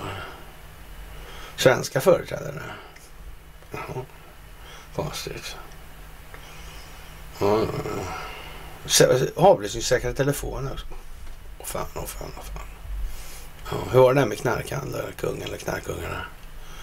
Ja, ja, ja, ja, ja. Mm. Fan är det härifrån också. Seems so, kan vi säga. Ja. Jaha, kolonibusiness kommer vi in på lite grann här och eh, ja, man, man, får väl nästan säga då att det här med Haiti och de här verksamheterna, där man har betalat en lösensumma för att och, och inte blivit då liksom, eh, ja, 1791 alltså, ja, året innan Gustav III mördades, alltså fördrev haitier fransmännen i de första, fra, första framgångsrika slavupproret i modern tid alltså. Och, och, det är klart att 1791 var ju naturligtvis, det, det lätta i trycket där, det måste det ju ha gjort. Med avseende på och franska revolutionen, för franska revolutionen kunde i alla fall inte torgföra eh, lika hårt eh, det här med kolonialväldesgrejen. Eh, ja, all, stora delar av den franska allmänheten var ju faktiskt i, i någon form av sinnestillstånd där de inbillade sig att de skulle få det jävligt mycket bättre då, då i det här. Och de hade ju gärna kanske tagit lite mer om de hade kommit närmare den drömmen då, eller som man säger. Ja, ja. Och eh, ja, det första framgångsrika slavupproret i modern tid. Alltså två decennier senare återvände fransmännen med ett ultimatum att betala för friheten eller tvingas gå in i ett nytt krig. Alltså. Och haitierna väljer då att betala det här och det exakta beloppet har förblivit ett mysterium fram till nu, då skriver New York Times. Och eh, efter att ha granskat tusentals originaldokument, böcker och artiklar har tidningen kommit fram till att Haiti betalat totalt 112 miljoner franc under sju årtionden eller 560 miljoner dollar i dagens pengavärde. Penningvärde tror jag minst, minsann det heter. Det motsvarar alltså 5,6 miljarder spänn då. Och om landet inte tvingas att betala skulden hade tillväxten varit mer lik sina grannländer i Latinamerika eh, uppger ekonomer för New York Times. Alltså, Haiti är idag ett av världens fattigaste länder enligt Världsbanken. Det är inte det är någon sån där jävla ställe som brukar ha jordbävningar och skit där. Nödtelefoner och sånt också. Mm. Ja, ja, man vet ju aldrig om det har med något att göra. Det kan ju vara så. Ja, ja. Som sagt. Frågan blir ju någonstans, om vi hoppar tillbaka till Ukraina då, blir ju då någonstans vad exakt utgör Ukrains territorium och varför?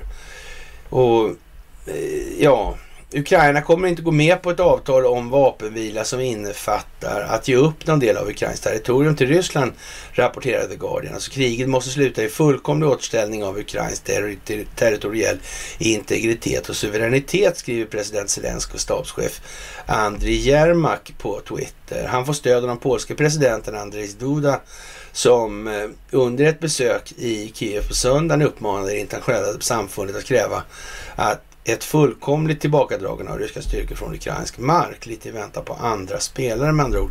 Och, och med det här får man ju säga då alltså.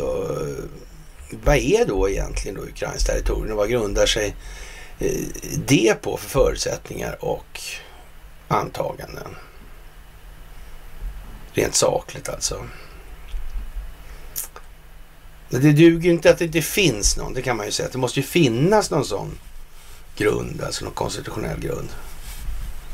Och, och det, det, går liksom inte att hävda eh, sedvanerätt i så mått eftersom då i så fall så är det, bygger det på sedvänjan eller sedvanorna hos medborgarna ifrån. Kan ju inte gärna säga att den korrumperade eliten i Kreml eller den korrumperade eh, eliten i Kiev eller någon annan sån här som man bara dra till. Det är det som avgör. Det är inte det som är kulturen.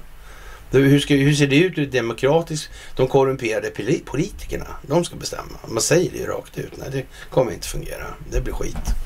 Rakt av. Ja, ja, det får man ju tänka på nu att det blir lite olika helt enkelt. Och eh, man behöver ha marginal säger, eh, ja, Nisse nu eh, plötsligt. Och vi får ju ställa frågan, hur vet det där? Alltså, han börjar veta saker nu plötsligt. Alltid har han alltid, annars har han ju alltid haft fel i sina prognoser. Nu plötsligt så vet han. Ja, jag vet fan hur det där går till alltså. Ja. Räkna inte med att ett boende är en bankomat, säger Nisse Pisse. Ja, det är ju som det är och inget annat. En överste i Irans mäktiga revolutionsgarde mördades av okända gärningsmän på söndagen, rapporterar BBC, alltså det där som kontrolleras av Redby. Två personer på motorcykel sköt överste Said Kodai fem gånger när han satt i bilen utanför sitt hem. Ingen har tagit på sig dådet. Enligt BBCs Mellanöstern-redaktör eh, Sebastian Ruscher är det mest högprofilerade mordet i Iran sedan en ledande kärnvapenforskare dödades 2020. Kodai var senioröverste. Hur fan kan man vara senior? Om man kan vara junioröverste då? I elitstyrkan Quds alltså som utför operationer utomlands. Vänta nu här. Den 3 januari 2020 då dog det en annan lirare som hade med Quds att göra. Man kan säga så här. Det var den mest signifikanta döden för det här spelet som överhuvudtaget kunde stå och uppringa. Den 3 januari 2020 så dog Qasem Soleimani i en missilattack från Donald Trump. Det här sista. I en missilattack av, som gjordes av Donald Trump. Så. Mm riktig liksom Khashoggi-varning på det dödsfallet helt enkelt. Mm. På det viset. Ja, vi får väl se. Han var... Ja, det här är ju vad det är helt enkelt. Mm. Och som sagt, igår hade då episod 13 då, Sagan om ringen, ja, avsnittet då hade premiär igår och det är fantastiskt det här. Se till och hjälp till i det här. Se till att det här sprider sig. Det måste ner på den nivån som inte är överdrivet intresserad av Karl Norberg i, i första ledet. Så där. Det är alldeles för krångligt. Vi måste plocka ner det här på den nivån. Och det måste ni hjälpa till med. Det duger inte att jag sitter här och, och talar om. Det räcker inte alltså. Det är ni som måste hjälpa till. Jag når inte dit. Det blir för svårt. Jag är till för er som förstår vad jag säger och efterhand förstår vad jag säger. Det är min del i det här, min roll i det här. Och sen måste det här tas ner i mindre bitar. Det måste förenklas i det här. Men vi kan inte hålla på och förenkla i så små delar. Därför då får vi ingen rörelse framåt och då hänger vi inte med i analysen i förhållande till omvärlden. Det här måste liksom bli en, en samvägningsfunktion hela tiden. Mm. Och ibland så tenderar jag till exempel att gå för fort i det här. Och, och då blir det tokigt. Ja, och, och ja, det är väl ungefär så. Det är för att vi sitter i kärnan. Vi har det mycket lättare att se. Vi vet vad målet ska. Vi kan ju ta stora steg och se hit. Alltså, ja, så vi som förstår det här. här. Mm.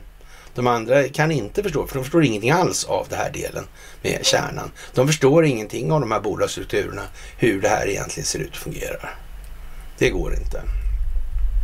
Ja, och eh, pennan är starkare än svärdet. Ja, det kan man ju faktiskt tycka ibland. Eller ordet är starkare än svärdet i vart fall. Och som sagt, de här monkeypoxen då, det är ju lite grann som... Ja, vad det är nu alltså. Mm. Och de måste ha det alltså. De måste ha det, de här som är svaga i själen. De måste ha fler pekpinnar. Till de märker att de får dem över näsan och fingrarna hela, hela tiden. Mm. Det måste bli dummare. Det måste bli så dumt så grandansen blir helt... Så granen blir yr och trillar omkull. Så, så mycket kan det bli helt enkelt. Mm, om det vill sig riktigt illa. Mm. Och eh, ja, det är väl trevligt. Och frågorna du aldrig ställde av rädsla för svaren. Du intalar dig själv att du inte ville veta av. Ett självbedrägeri nog så svårt att erkänna. Vem vinner på det här egentligen då? Att vi ljuger för oss själva i en eller annan omfattning. Förhoppningsvis allt mindre med tiden. Ja, det handlar om kärleken till resan framför målet istället. Det är bara nu som människan kan bli lycklig. Det ska man komma ihåg i det här. Det är resan som utgör målet. Mm. Var vi har kommit när vi dör, det kan vi aldrig styra över. Vi är bara individer. Vi är inte allt, vi är inte Gud. I den meningen. Så. Det var lite filosofiskt idag tycker jag. Nog. Det här med Australien är ju en kronkolonifråga och den kan, behöver vi inte fördjupa oss i så mycket sådär. Och, och ja, vad ska vi säga? Så, trilogin och Sagan om ringen var vi inne på här med, med det här senaste klippet från igår då. Eh, ja, och det allseende ögat, kontroll av förståelse för information inspirerade J.R. Tolkien att skriva sitt mästerverk med tydliga kopplingar till Sverige och svensk telekominfrastruktur och internet. Minns det här med Tom Bobadil då och hans gula och blå klädsel. Den djupa staten är emellertid en mycket gammal enhet men har tagit några olika vägar genom åren. En gång kallade man det för kolonialism. Idag existerar den djupa staten i form av globalism alltså. Och eh, det är viktigt att komma ihåg att den som kontrollerar pengarna då eh, köper sig kontrollen i någon mån. Men eftersom pengarna är någonting som bygger förtroende så bygger det i sin tur på informationshantering. Det här. Då måste man naturligtvis ha kontroll på det moderna kriget till uteslutande del dominerande faktor då, alltså informationshanteringen. Annars kommer det skita sig alltså. Och det här börjar ju ni bli riktigt duktiga på tycker jag. Och det känns jätteskönt alltså. Emblemet och hakkorset för Lotta Svärd alltså. Det är våra kära Lotta åtta kårister alltså vi egentligen är inne på. Tecknades av alltså Erik Waström 21 och Erik Wilhelm Waström föddes den 27 november 87 i Helsingfors. Han avled den 14 november 58 och var en finländsk målare, tecknare och grafisk skriftställare och kapten. Waström var son till skomakaren Erik Severin Waström och Augusta Westberg från 13 gift med recitatören Carola Lolan Langgren. Och ja, vad ska man säga? Det här är ju liksom lite tjusigt att de här grejerna finns. Lottakårens hakkors alltså. Lotta svärd alltså. Ja, det är ju lite lattjo. Kanske man inte tänker på. Jag hade någon eh, faster faktiskt en gång i tiden som var en väldigt, eh, ja vad ska jag säga, framträdande figur inom lottakåren. Ja, ja, ja. Sådär. Mm. Ja, ja. Det, det, det, var ju frivilligorganisationen Lotta Svärd var för kvinnor som verkade i Finland under åren 20 till 44. Deras symbol var ett hakkors som designades av Erik Waström alltså. Och ja, det där är namnet från personen Lotta Svärd är Johan Ludvigs Rune. Det kommer ifrån alltså. Eh, Johan Ludvig Runebergs Fänrik Ståls sägner som behandlar kriget mellan Sverige och Ryssland 1808 till 1809. Vad hände där 1809? Var det någonting med svenska rättssystemet som tog vid där va? Mm. Ja, det där blev lite konstigt. Ja. Det var liksom, blev någon ny kung där va? Man sa också. Ja, så kan det var ja. Ja, ja, ja, ja. Sådär ja. Jag vet inte, har vi pratat om det där? Och sen kom det någon jävla konferens där och neutralitetsgrejer efter Napoleonkrigen. Var det inte så? Jag tror vi har snackat om det också, alltifrån San Marino till eh, Schweiz och Sverige och sådana grejer. Kan det vara så? Mm, man kan vara så. Kan det vara. Jaha. Det är ju, eh, ja, till att säga det ena och göra det andra alltså. Och eh, som sagt, BB29 var ju ett trevligt hangarfartyg liksom. Eller slagskepp, förlåt, fan också. Ja. Säger mannen som har slagskeppsböcker i omgivningen så det räcker och blir över. ja, Badanker har aldrig imponerat lika mycket, men slagskepp var trevliga fartyg helt enkelt. Mm, roliga att titta på helt enkelt. Man blir glad. Ja, sådär. Och eh, ja, i, i, Arizona då så handlar det om då slagskeppet BB, BB då, då 39. Ja, eh, Big Arizona Fraud Update alltså. Hon ligger där och läcker på botten alltså. Jag var, jag var där alltså. Ja, Pearl Harbor. Mm. En liter olja i månaden exakt. Eller vad fan det är. ja, ja, ja, ja, ja. Och, och nu visar det sig att eh, nu kvittrar folk hej vad det går här. Helt otippat, ingen har sagt att det skulle bli så alls. Efter en viss given brytpunkt så kommer det här alltså. Och det går inte att undvika, inte alls, inte en chans. Ja, ja, det är ju så. When does birds sing helt enkelt? Ja, när det är de upplever att de måste helt enkelt och vill. Ja, så är det ju. Jaha. Expressen gör vad de inte vill och tar och lägger upp en artikel om eh, ryskt utspel kan, an, kan erövra Ukraina på några timmar. Jaha, Putins propagandist heter man då alltså i de här sammanhangen.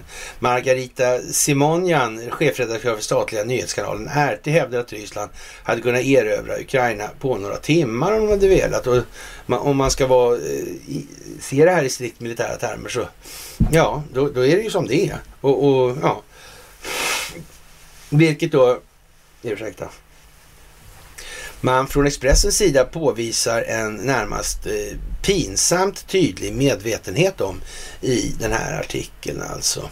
Och, och ja, men vi, den här Simonian i alla fall, hon säger så här alltså. Vi, men vi genomför en militär specialoperation av den anledningen och inte ett krig, säger hon. Invasionen av Ukraina inleddes för snart tre månader sedan och det är BBC-journalisten Francis Scar som översatt inslaget från rysk statlig tv. I inslaget hävdar Margarita Simonian att kriget i Ukraina inte är ett krig utan en militär specialoperation där benämningen president Vladimir Putin har använt från invasionens start och använder man begreppet invasion i alla fall. Fast det här inte kan betraktas som ett invasionsföretag i någon strikt mening. Ja, militärt. Om vi hade velat hade vi kunnat ta hand om Ukraina på inte bara några dagar utan på några timmar. Men vi genomför en militär specialoperation och av den anledningen är det här inte att betrakta som ett krig. Alltså det är inte så krig genomförs. Och, och man verkar på något vis ha anammat det här som vi har anfört här då under ganska lång tid det här med, med då hur det här fungerar egentligen då med eh, diversionssked och, och för bekämpning och sådana här saker innan man då får boots on the ground och så vidare i det här. Mm. Ja, det här verkar inte fylla den gängse strategiska och taktiska militära ordningens förlopp. Alltså, nej, det verkar inte vara. Det här är något annat. Det verkar finnas sådana här eh, politiska undertoner i det här med avnazifiering till exempel. Vad är det där för någonting egentligen? Eh, finns det hakors inblandade i sånt? Mm, jag vet inte. Mm. Är det någonting speciellt det här med uh, ja, historien i det här med Lotta Svärd och sådär. Är det sådana grejer som ryssarna faktiskt känner till? Känner de till det här med svenska flygvapnet hur de har märkt sina kärror? Känner de till det här med Mannerheim? Känner de till det med Hitler? Känner de till då olika avtal i det här i samband med finska vinterkriget. Mm, avnazifiering, där blågula sa Zelensky skulle vi... Ja, ja, ja, ja, ja precis. Alltså, vi skulle, och jag sa vi skulle nog vara glada om du slår oss på blågula istället. Mm, ja, ja, visst. Mm. Framåt där, hur kan det bli? Mm, utvecklingsförloppet, vildrängsböcker här alltså. Måste svenska folket få en näsbränna? Ja, vet du fan alltså. Nej, de är så smarta och duktiga. Moraliska föredömen allihopa. De kommer inte behöva lida. Visst, de eh, behöver inte vara helhetslidande. Det är inte så. Nej, nej. Det, för det handlar inte om att revidera sina känslogrunder och värderingar för förmån för en bättre beskrivning av verkligheten. Nej, det går att lalla runt i det blå i sina egna panser helt enkelt hur länge som helst. Och, och omvärlden kommer anpassa sig. Svenskt. Ja, ja, ja, ja, ja, ja. Det där är ju lite speciellt alltså, det, det, får man säga. Det är inte så att krig genomförs på det här viset. Alltså, vi tycker synd om alla där och det är för det första Eh, det är för det första. Alltså. Och för det andra så förstår vi att massor av folk som hålls i gisslan är på vår sida, säger Margareta Simonian i inslaget. Då. Simonian var bara 25 år gammal när Putin utsåg henne till chefredaktör för RT, tidigare Russia Today, vid grundande 2005. De har fortfarande en nära relation och hon har bland annat varit en del av Putins team när han återvalts till lands, som landets president enligt Washington Post, alltså det är Jeff Bezos tidning sådär. Mm. Ja, när invasionen mot Ukraina inleddes hävdade Simonian bland annat att Ukraina hälsade de ryska soldaterna välkomna med hembakta pajer. Hon har också återgett Putins motiv till invasionen att avnazifiera, avnazifiera Ukraina och rädda rysktalande utbrytarrepublikerna under ett påstått folkmord. De där utbrytarrepublikerna som vill ha självständighet, och samma som Taiwan alltså, och, och varvid då man från amerikansk sida säger att kommer man anfalla Kina? ja, ja, ja, ja, ja. Ja, ja, undan ett påstått folkmord och på motiv som enligt bedömare endast varit ett svepskäl för att legitimera invasionen. Ja, då får man ju säga så här, bedömarna, det, det är ju liksom ingen, vad ska man säga, det, det, det är ju ingen, ingen kvalitetsbedömning eller på värdeladdningen i uttryck då, bedömare, alltså någon tycker någonting. Det, det, står inte ens kvalificerade bedömare, det står inte okvalificerade heller, men det står liksom ingenting om signifikansen i budskapet i den meningen. Det är ju bara eh, ordsallad och ingenting annat. Det är helt hopplöst alltså. Och det här är ingen jävla artikel som Expressen vill lämna. Det är alltså den strategiska partnern till CNN. Mm. Som numera allt mer accentuerat förknippas med BBC som Ericsson kontrollerat genom Redby. Men det är bara en slump och har ingenting med någonting att göra. Så är det nog inte. Nej, så är det inte. Jaha, och eh, är till portade världen över då. Och enligt eh, Robert Ortung, amerikansk akademiker och professor som forskar i internationella relationer, skapades RT av Putin för att konkurrera med engelskspråkiga medier och specifikt CNN och BBC. Jo, rösser. Så kan man säga. Mm. Så kan man säga. Det är lite udda måste man säga. Jaha. RTs rapportering om invasionen i Ukraina har fått stora konsekvenser för nyhetskanalens verksamhet i västvärlden. Så märkligt, eller hur? Ja. Och, och, det är klart att västvärlden värnar om sitt eh, demokratiska och humanistiska skick naturligtvis. Som inte alls är bara konsekvenserna av en fortsatt kol kolonialväldesexploatering fast mer i dold form.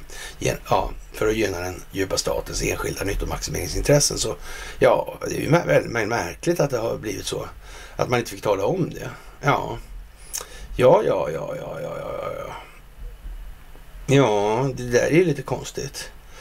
Ja, RT har blivit portade från Youtube, fått sin kanal i USA nedlagd och ett beslut sak, som saknar motstycke valde EU att blockera alla kanalens sändningar inom medlemsländerna. Och jag skulle vilja påstå, det var väl lite speciellt alltså. Och vad säger det om Youtube? Ja, eh, vad säger det om eh, administrationen i USA.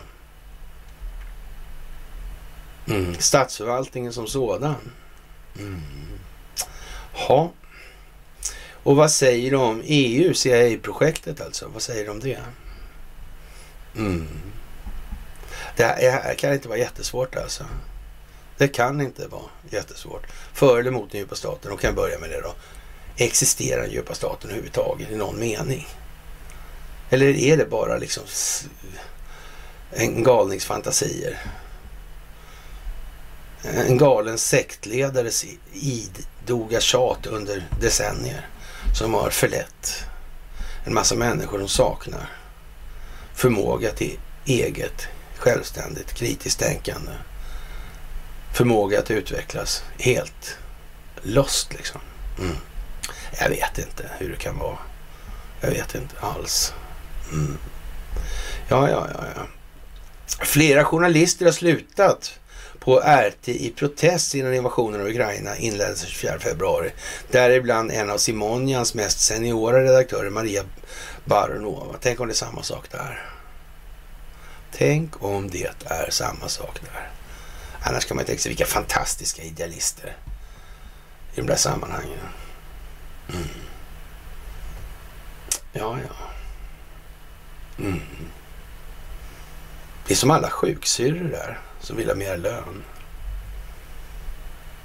Det låter bara gir. Men varför inte, säga, varför inte sätta sig in i det där? Menar de på allvar att sjuksköterskorna saknar förmåga att hitta ett enda besparingssätt i ledningens beteende?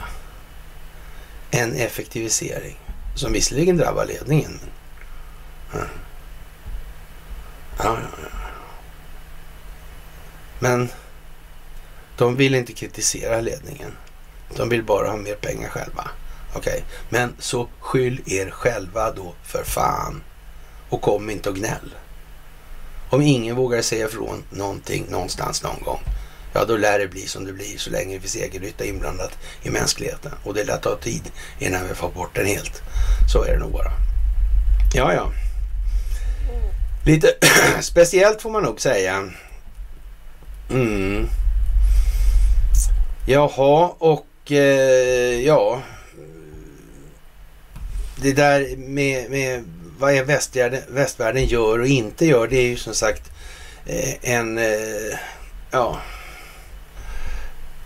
En fråga. Det är många som inte vill revidera sina värderingar eller känslogrundade värderingar överhuvudtaget. Självbilden är, ja, den är så ömklig så de vågar inte kliva längre. De håller knappt ihop. De vågar inte säga ifrån. Och, och, snart så kommer det att bryta in här från andra hållet därför och i det här tumultet som blir i, i det inbrottet då så att säga när de här 500 eller de 50 dammluckorna då blir 500 dammluckor och dessutom ställs upp på vid gavel. Ja, då blir det som det blir kort sagt alltså. Det kommer att bli turbulent. Och då är det nog svårt att se att det blir riktigt ordnat på torpet överallt. Alla hästar är trots allt inte hemma i stallet överallt alltså. Nej, det är inte så. I den meningen i alla fall. Ja, så förmäten så att jag ska sitta och göra reklam för mig själv och det här. Men det räcker som det är ändå tycker jag med exponeringen i sociala medier så det behöver inte vi förhärliga eller förvärra det ska jag säga så här. Anders Åslund är ju en, eh, ja, ja, jag vet inte. Jag har skrivit miljoner, miljoner, miljoner bokstäver om honom i alla fall. Rader kanske till och med. Ja, det där är ju lite sådär speciellt. Och att Anders Åslund skulle göra det här av fri vilja och framställa sig själv som en rent komplett idiot och inte istället för det föredra att hålla käften och, och försöka komma undan här på något vis i det dolda. Det förefaller helt orimligt. Så är det inte, kort sagt. Ja, och det här med Sagan om ringen och Mouth of Sauron. Jag vet inte, i hundra år har, tycker jag vi har gnuggat det där i alla fall. Så, och, och det är ju vad det är nu, kort sagt. Och eh, ja, vad ska vi säga? Eh, ja, jag tror att eh, det, vi lägger oss inte i det där alltså egentligen. Alltså det, Eh, Eh, ja, Saudiarabien står för en fjärdedel av alla amerikanska vapenköp till exempel. Det, det är en bra grej att kanske minnas i det här. Och, eh, 2021 ingick Saudiarabien ett militärt samarbete med Ryssland, världens näst största vapenexportör. Saudiarabien är världens största råoljeproducent. 2016 ingick Saudiarabien ett långsiktigt avtal med Ryssland, världens största exportör, exportör av raffinerad olja, om att samordna oljeproduktionen. Och för närvarande köper Kina rysk olja till kraftig rabatt och ser till att, att försöka att devalvera sin ekonomiska ekonomi misslyckats alltså. Och, och det här med petrodollarn och vilken roll den spelar i de här sammanhangen. Och, och det måste se ut som det gör just nu. Ja, men det handlar inte om inflation. Och, och den, del, den diskussionen har man då från den sidan som motverkar den djupa staten eh, i någon mening i vart fall valt att lämna därhän av den enkla anledningen att eh, ja, alltså eh, ja, opinionsbildningsklimatet är inte riktigt moget ännu alltså. Men, men eh, så prishöjning är inflation fortfarande fast det inte är det. Och, och, mm, det är möjligt att det inte behövs heller i alla delar av världen. I Sverige kommer det behövas förståelse för det här, för här är girigheten så in i helvete djupt rotad. Och, och det är ju liksom, eh, ja, det där olika förklaringar då, det här med statsobligationer till exempel. Det var alltså, eh, alltså principvärdet, det principala värdet för, för valutan, alltså det betalningsmedlet, det, det är ju alltså Räntebelastad skuld alltså. Mm. Skyldigheten. Och, och sen om man skriver att skuldebreven, obligationen, skuldväxel eller så, alltså, det är det fortfarande bara ett nominellt belopp. En ränta och en löptid. Det är vad det finns. Det är de tre faktorerna som är i det här. Det finns inget annat. Och vad du sätter för namn på det där sen, det är ju helt meningslöst. Det är närmast obegripligt att folk inte bara skrek rakt ut. Nej, nej, jag tar hellre en obligation än en växel. Jaha. Jaha. Ja, men vad bra då. Ja, ja, ja, ja, ja. Mm. Ja, nej, jag vet inte om jag eh, tycker att det är något roligt att hålla på med det där. Om jag måste så gör jag det, men annars så slipper jag gärna de där grejerna. Ja, och eh, vad ska man säga? Det här angående utvisning av eh, eh svenska diplomater så, så ja. Det där är lite speciellt alltså. Det, inte vem som helst som utlyser en hel rådgivare Bente Lars-Erik Mikael född 64 som ledde avdelningen för ekonomi och handel på svenska ambassaden. Och den här personen arbetar i Ryssland ingen tillfällighet, alltså inte, åtminstone inte i samband med att han är gift med en kvinna i Leningrad. Alltså en gång hette hustrun till eh, en svensk diplomat Irina Sergejevna Ishova. Och, det här är någonting som börjar komma ut nu här. och när man sammanfattar de här grejerna så kan man säga så här att eh, med de här utvisade, ni kan läsa det, jag inte läser upp det, det men, men, man kan säga så här, det är svårt att tolka det här som någonting annat än ett uttryck för att man nu börjar välja att belysa den roll som ha, Sverige faktiskt har spelat i inom ramen för den djupa statens verksamhet och hur den svenska statsapparaten har lånat sig till den här typen av verksamhet. Då. Och, och det är ju tragiskt att konstatera att vi ligger bakom verksamheter som svensk statsförvaltning alltså, att de är företagsintressestyrda. Det får vi utgå ifrån att de flesta som tittar på den här kanalen faktiskt begriper vid det här laget. Och, och vi, den diskussionen har vi liksom intellektuellt lämnat bakom oss av den anledningen. Ungefär som vi pratar inte överdrivet mycket om det här med vad covid är för någonting och syftet med införandet av den här ja, grejen då. Och, och när det kommer Pokémon nu, nu dessutom då, eller då, ja, apkoppor. Ja, då är det ju som det är liksom. Mm, det går, går segt på sina håll tydligen. Ja, och eh, det här med Turkiet och Kroatien och så här med Ja, det här med NATO och det avslöjar sprickor och så vidare. Jag vet inte om vi... Eh, jag känner mig inte riktigt motiverad att börja dra den överraskande, för, säga det, liksom det här häpnadsväckande som ni aldrig har hört mig säga. Jag misstänker att det här kan leda till att NATO eh, krackelerar lite och kanske eventuellt havererar. Ja, nej, det verkar lite meningslöst helt enkelt. Vi skiter i det helt enkelt. Det har jag sagt så många gånger så det liknar ingenting alltså. Jaha.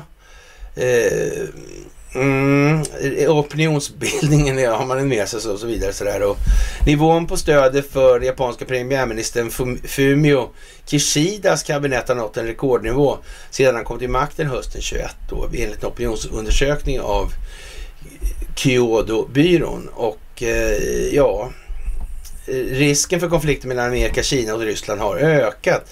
Vi står nu inför två världsmakter, Ryssland och Kina. Eh, vart och ett av dessa länder har betydande militär kapacitet och är fast beslutet att ändra den nuvarande regelbaserade ordningen, sa general Mark Milley, ordförande i USAs stabschef, alltså Joint Chief of Staff, då, i ett tal till utexaminerade från West Point, då, enligt TASS i ett citat. Eh, USA går in i en värld som är mer in, blir mer instabil. Den värld som du släppte ut släpps ut i har potential för stora internationella konflikter mellan stormakterna. Den här potentialen växer, inte minskar alltså, säger han då, Milley. Tidigare den 19 maj hade Mark Milley ett telefonsamtal med sin ryska kollega Valerij Gerasimov, chef för generalstaben i ja, ryska eh, ja, reguljära förbanden alltså generalstabschef där. Samtalet äger rum på initiativ av amerikanerna och var deras första kontakt senast starten av den ryska specialoperationen i Ukraina. En vecka senare, den 13 maj, har Pentagonchefen Lloyd Austin ett telefonsamtal med försvarsministern Sergej Shoigu. Det var också deras första kontakt sedan starten på den enskilda operationen eller särskilda operationen och den ägde rum på initiativ av USA. Är underlivsporslin någon form av överbefälhavare? Jag vet inte. Jag är ju rätt så säker på att den här båten som är i Stockholm, eller faggorna ska jag väl säga. Mm. Det är inte alla som har skrivit, svurit någon ed till underlivsporslinet i alla fall. Det är nog så. Misstänker jag. Men du kan ju inte vara säker naturligtvis. Jag gissar bara. Sitter och gissar lite som vanligt. Ja, ja, ja, ja, ja, ja, ja. Mm. Ja, vi får väl sålla lite. Hunters laptop är helt enkelt en sak som kommer på tapeten och, och ja, det här, de här uh, alla de här som har hävdat en massa saker då och, om Trump och, och uh, ja och hävdat att ryssarna låg bakom det här med Hunter Bidens dator och såna grejer. Det är svenska medier som har lånats till det här. I någon mån måste man ju säga så här, det måste ju så att säga de som koordinerar sina insatser mot den djupa staten ha insett för rätt länge sedan att det, det, svenska befolkningen i allmänhet är ju inte liksom sådana här som sitter och ägnar eh, 20 timmar per dygn, alltså eller storleksordningen och sånt där, mellan 16 och 20 timmar per dygn. I, i, och, och, sitter och läser allt från eh, ja, offentliga utredningar till avhandlingar till populärmedier alltså och Hänt i veckan, höll jag på att säga, men eh, Svensk Damtidning och sådär, Vänt i Häck eller vad det heter då. Ja, mm. Eller Hänt i veckan kanske, jag vet inte. Mm. Ja, jag vet inte.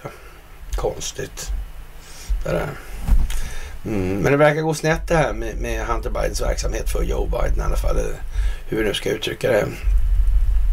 Jaha, och eh, ja, allt bygger ju på, när det gäller den här covid-19, det bygger ju på PCR-test som inte fungerar egentligen då.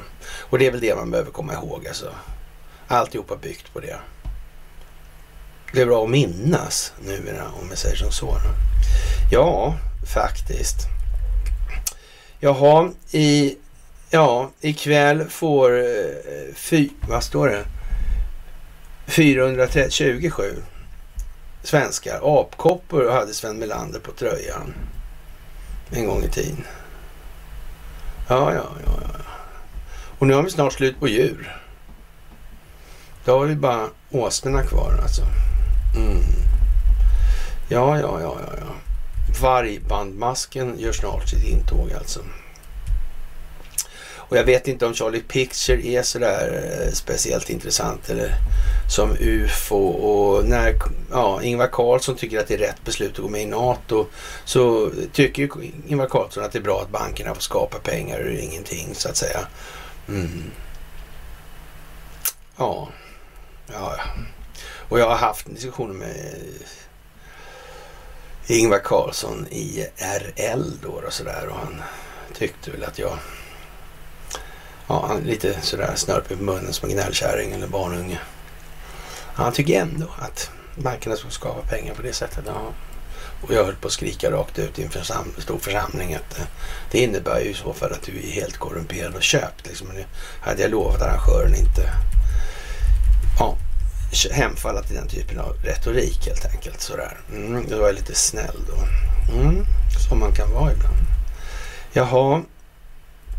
Elon Musk han vill koppla upp avlägsna skolor i, Bas i Brasilien till Starlink. Och det kan ju vara snällt gjort av honom. Och det här, vi vet ju vad det här handlar om i den meningen. Det är inte så mycket att säga egentligen. Operahuset har öppnat i Kiev och eh, ja, man, säger, man sa ju så här då att eh, eh vid tystnad, eller vid utbrottet av andra världskriget så gjordes tystnad till var medborgares plikt alltså. Och vad skulle gynnas av det här egentligen?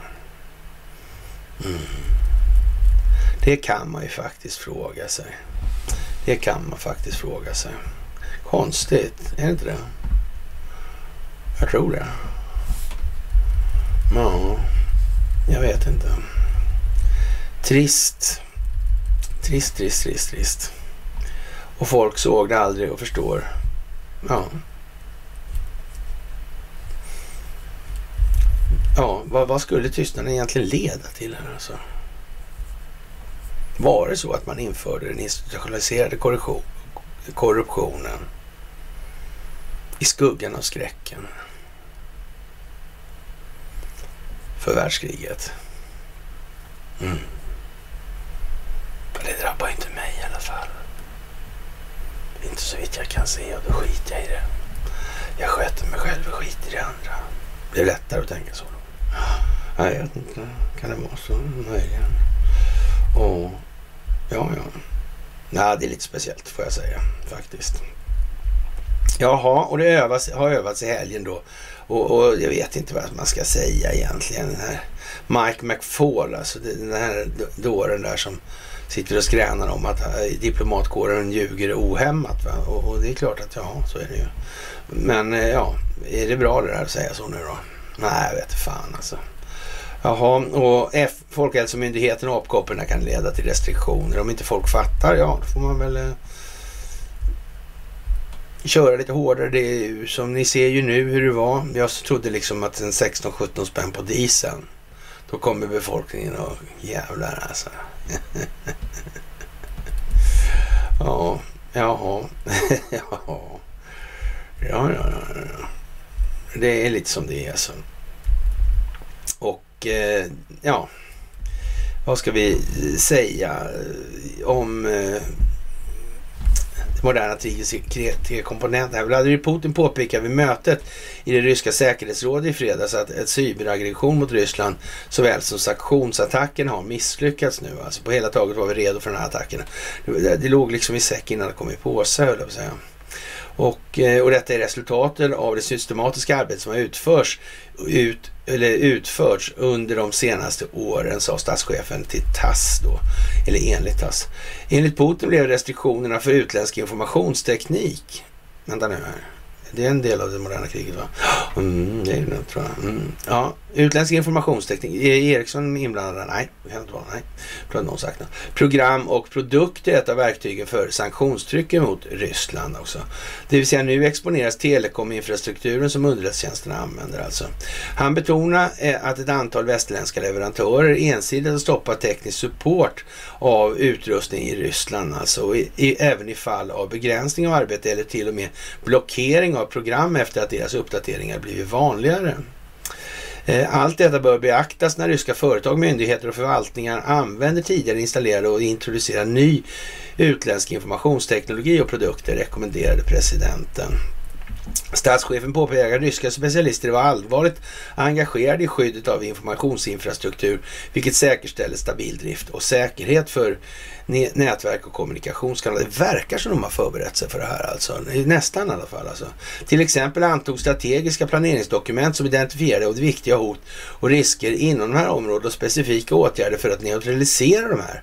Ja, 24 februari uppgav Putin i tv-central att han som svar på en begäran från cheferna för Donbassrepublikerna hade fattat beslut om att genomföra en speciell militär operation alltså. Och, och då måste nog det här vara inblandat med informationshantering. Det låter jättekonstigt annars alltså. Mm. Jaha, så då var det planerat sedan länge då alltså? Ja, Det har man sett. Den ryske ledaren betonade att Moskva inte hade några planer på att ockupera ukrainska områden. Därefter införde USA, EU, Storbritannien och ett antal andra stater sanktioner mot ryska juridiska personer och individer. De ökar också leveranserna av vapen till, de, eh, ja, till de ukrainska myndigheterna. Alltså. Moskva har upprepade gånger fördömt USA och NATO-allierade för att ha levererat vapen till Ukraina och insisterat på att inflödet av förnödenheter bara kommer att förlänga konflikten. Alltså Kreml har också betonat att västerländska vapen anses vara ett legitimt mål när de väl kommer på ukrainskt territorium. Och det kommer då alltså drabba de som har skickat de här vapnen också. Mm. Ja, det är för jävligt det där alltså. Allt det här misslyckas alltså för den djupa staten. Och svenskt vidkommande alltså. För fan vad tråkigt alltså. Ja, och lördags så uppmanade alltså Erdogan Sverige sluta stödja de här terrorgrupperna. Vad fan vad konstigt. Ja, det är ju så konstigt allt det här. Jag vet inte. Märkligt, märkligt, märkligt alltså. Ja, och eh, som sagt, eh, det är ju uppenbart och det är bevisat. Finns bevis på att eh, det här med Russia collusion för Trumps vidkommande som anförs i medierna. Det börjar med Clinton och det slutar med Clinton. Och Sverige är planetens mest Clinton Soros lojala land. Omvänt kan man säga att Hillary Clinton var och förmodligen är jordens en av, en av jordens mest Investorlojala politiker. Så kan vi säga utan att överdriva. Ja, det är ju lite trevligt. Och eh, jag vet inte. Vi eh, kan ju faktiskt tänka oss att det blir lite mer den här veckan och, och att det blir vi inte kommer undan. Så vi kanske ska spara lite på krutet sådär och som sagt, på den här Sassman-rättegången, eller Sassman-fönstret som vi valde att kalla det för, eller jag valde att kalla det för. Det kommer att öppna sig. Det kommer komma mer. Det kommer leda vidare. Och med det, kära vänner, det är så här. De som koordinerar sina insatser för att motverka den djupa staten har styrt det här bra länge. Den djupa staten har inget som helst handlingsutrymme i något som helst sammanhang i det här. Men för att den här teatern ska gå och spela upp.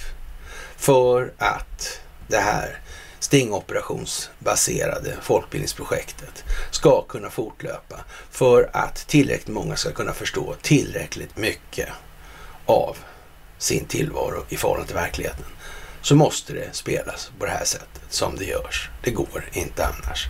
Med det, kära vänner, så tackar vi för det visade intresset den här första dagen på den här nya veckan som blir mer händelserik än den förra veckan. Och vi kommer att synas igen på onsdag som allra senast. Och för det ett stort tack och en trevlig kväll önskar vi er. Hej!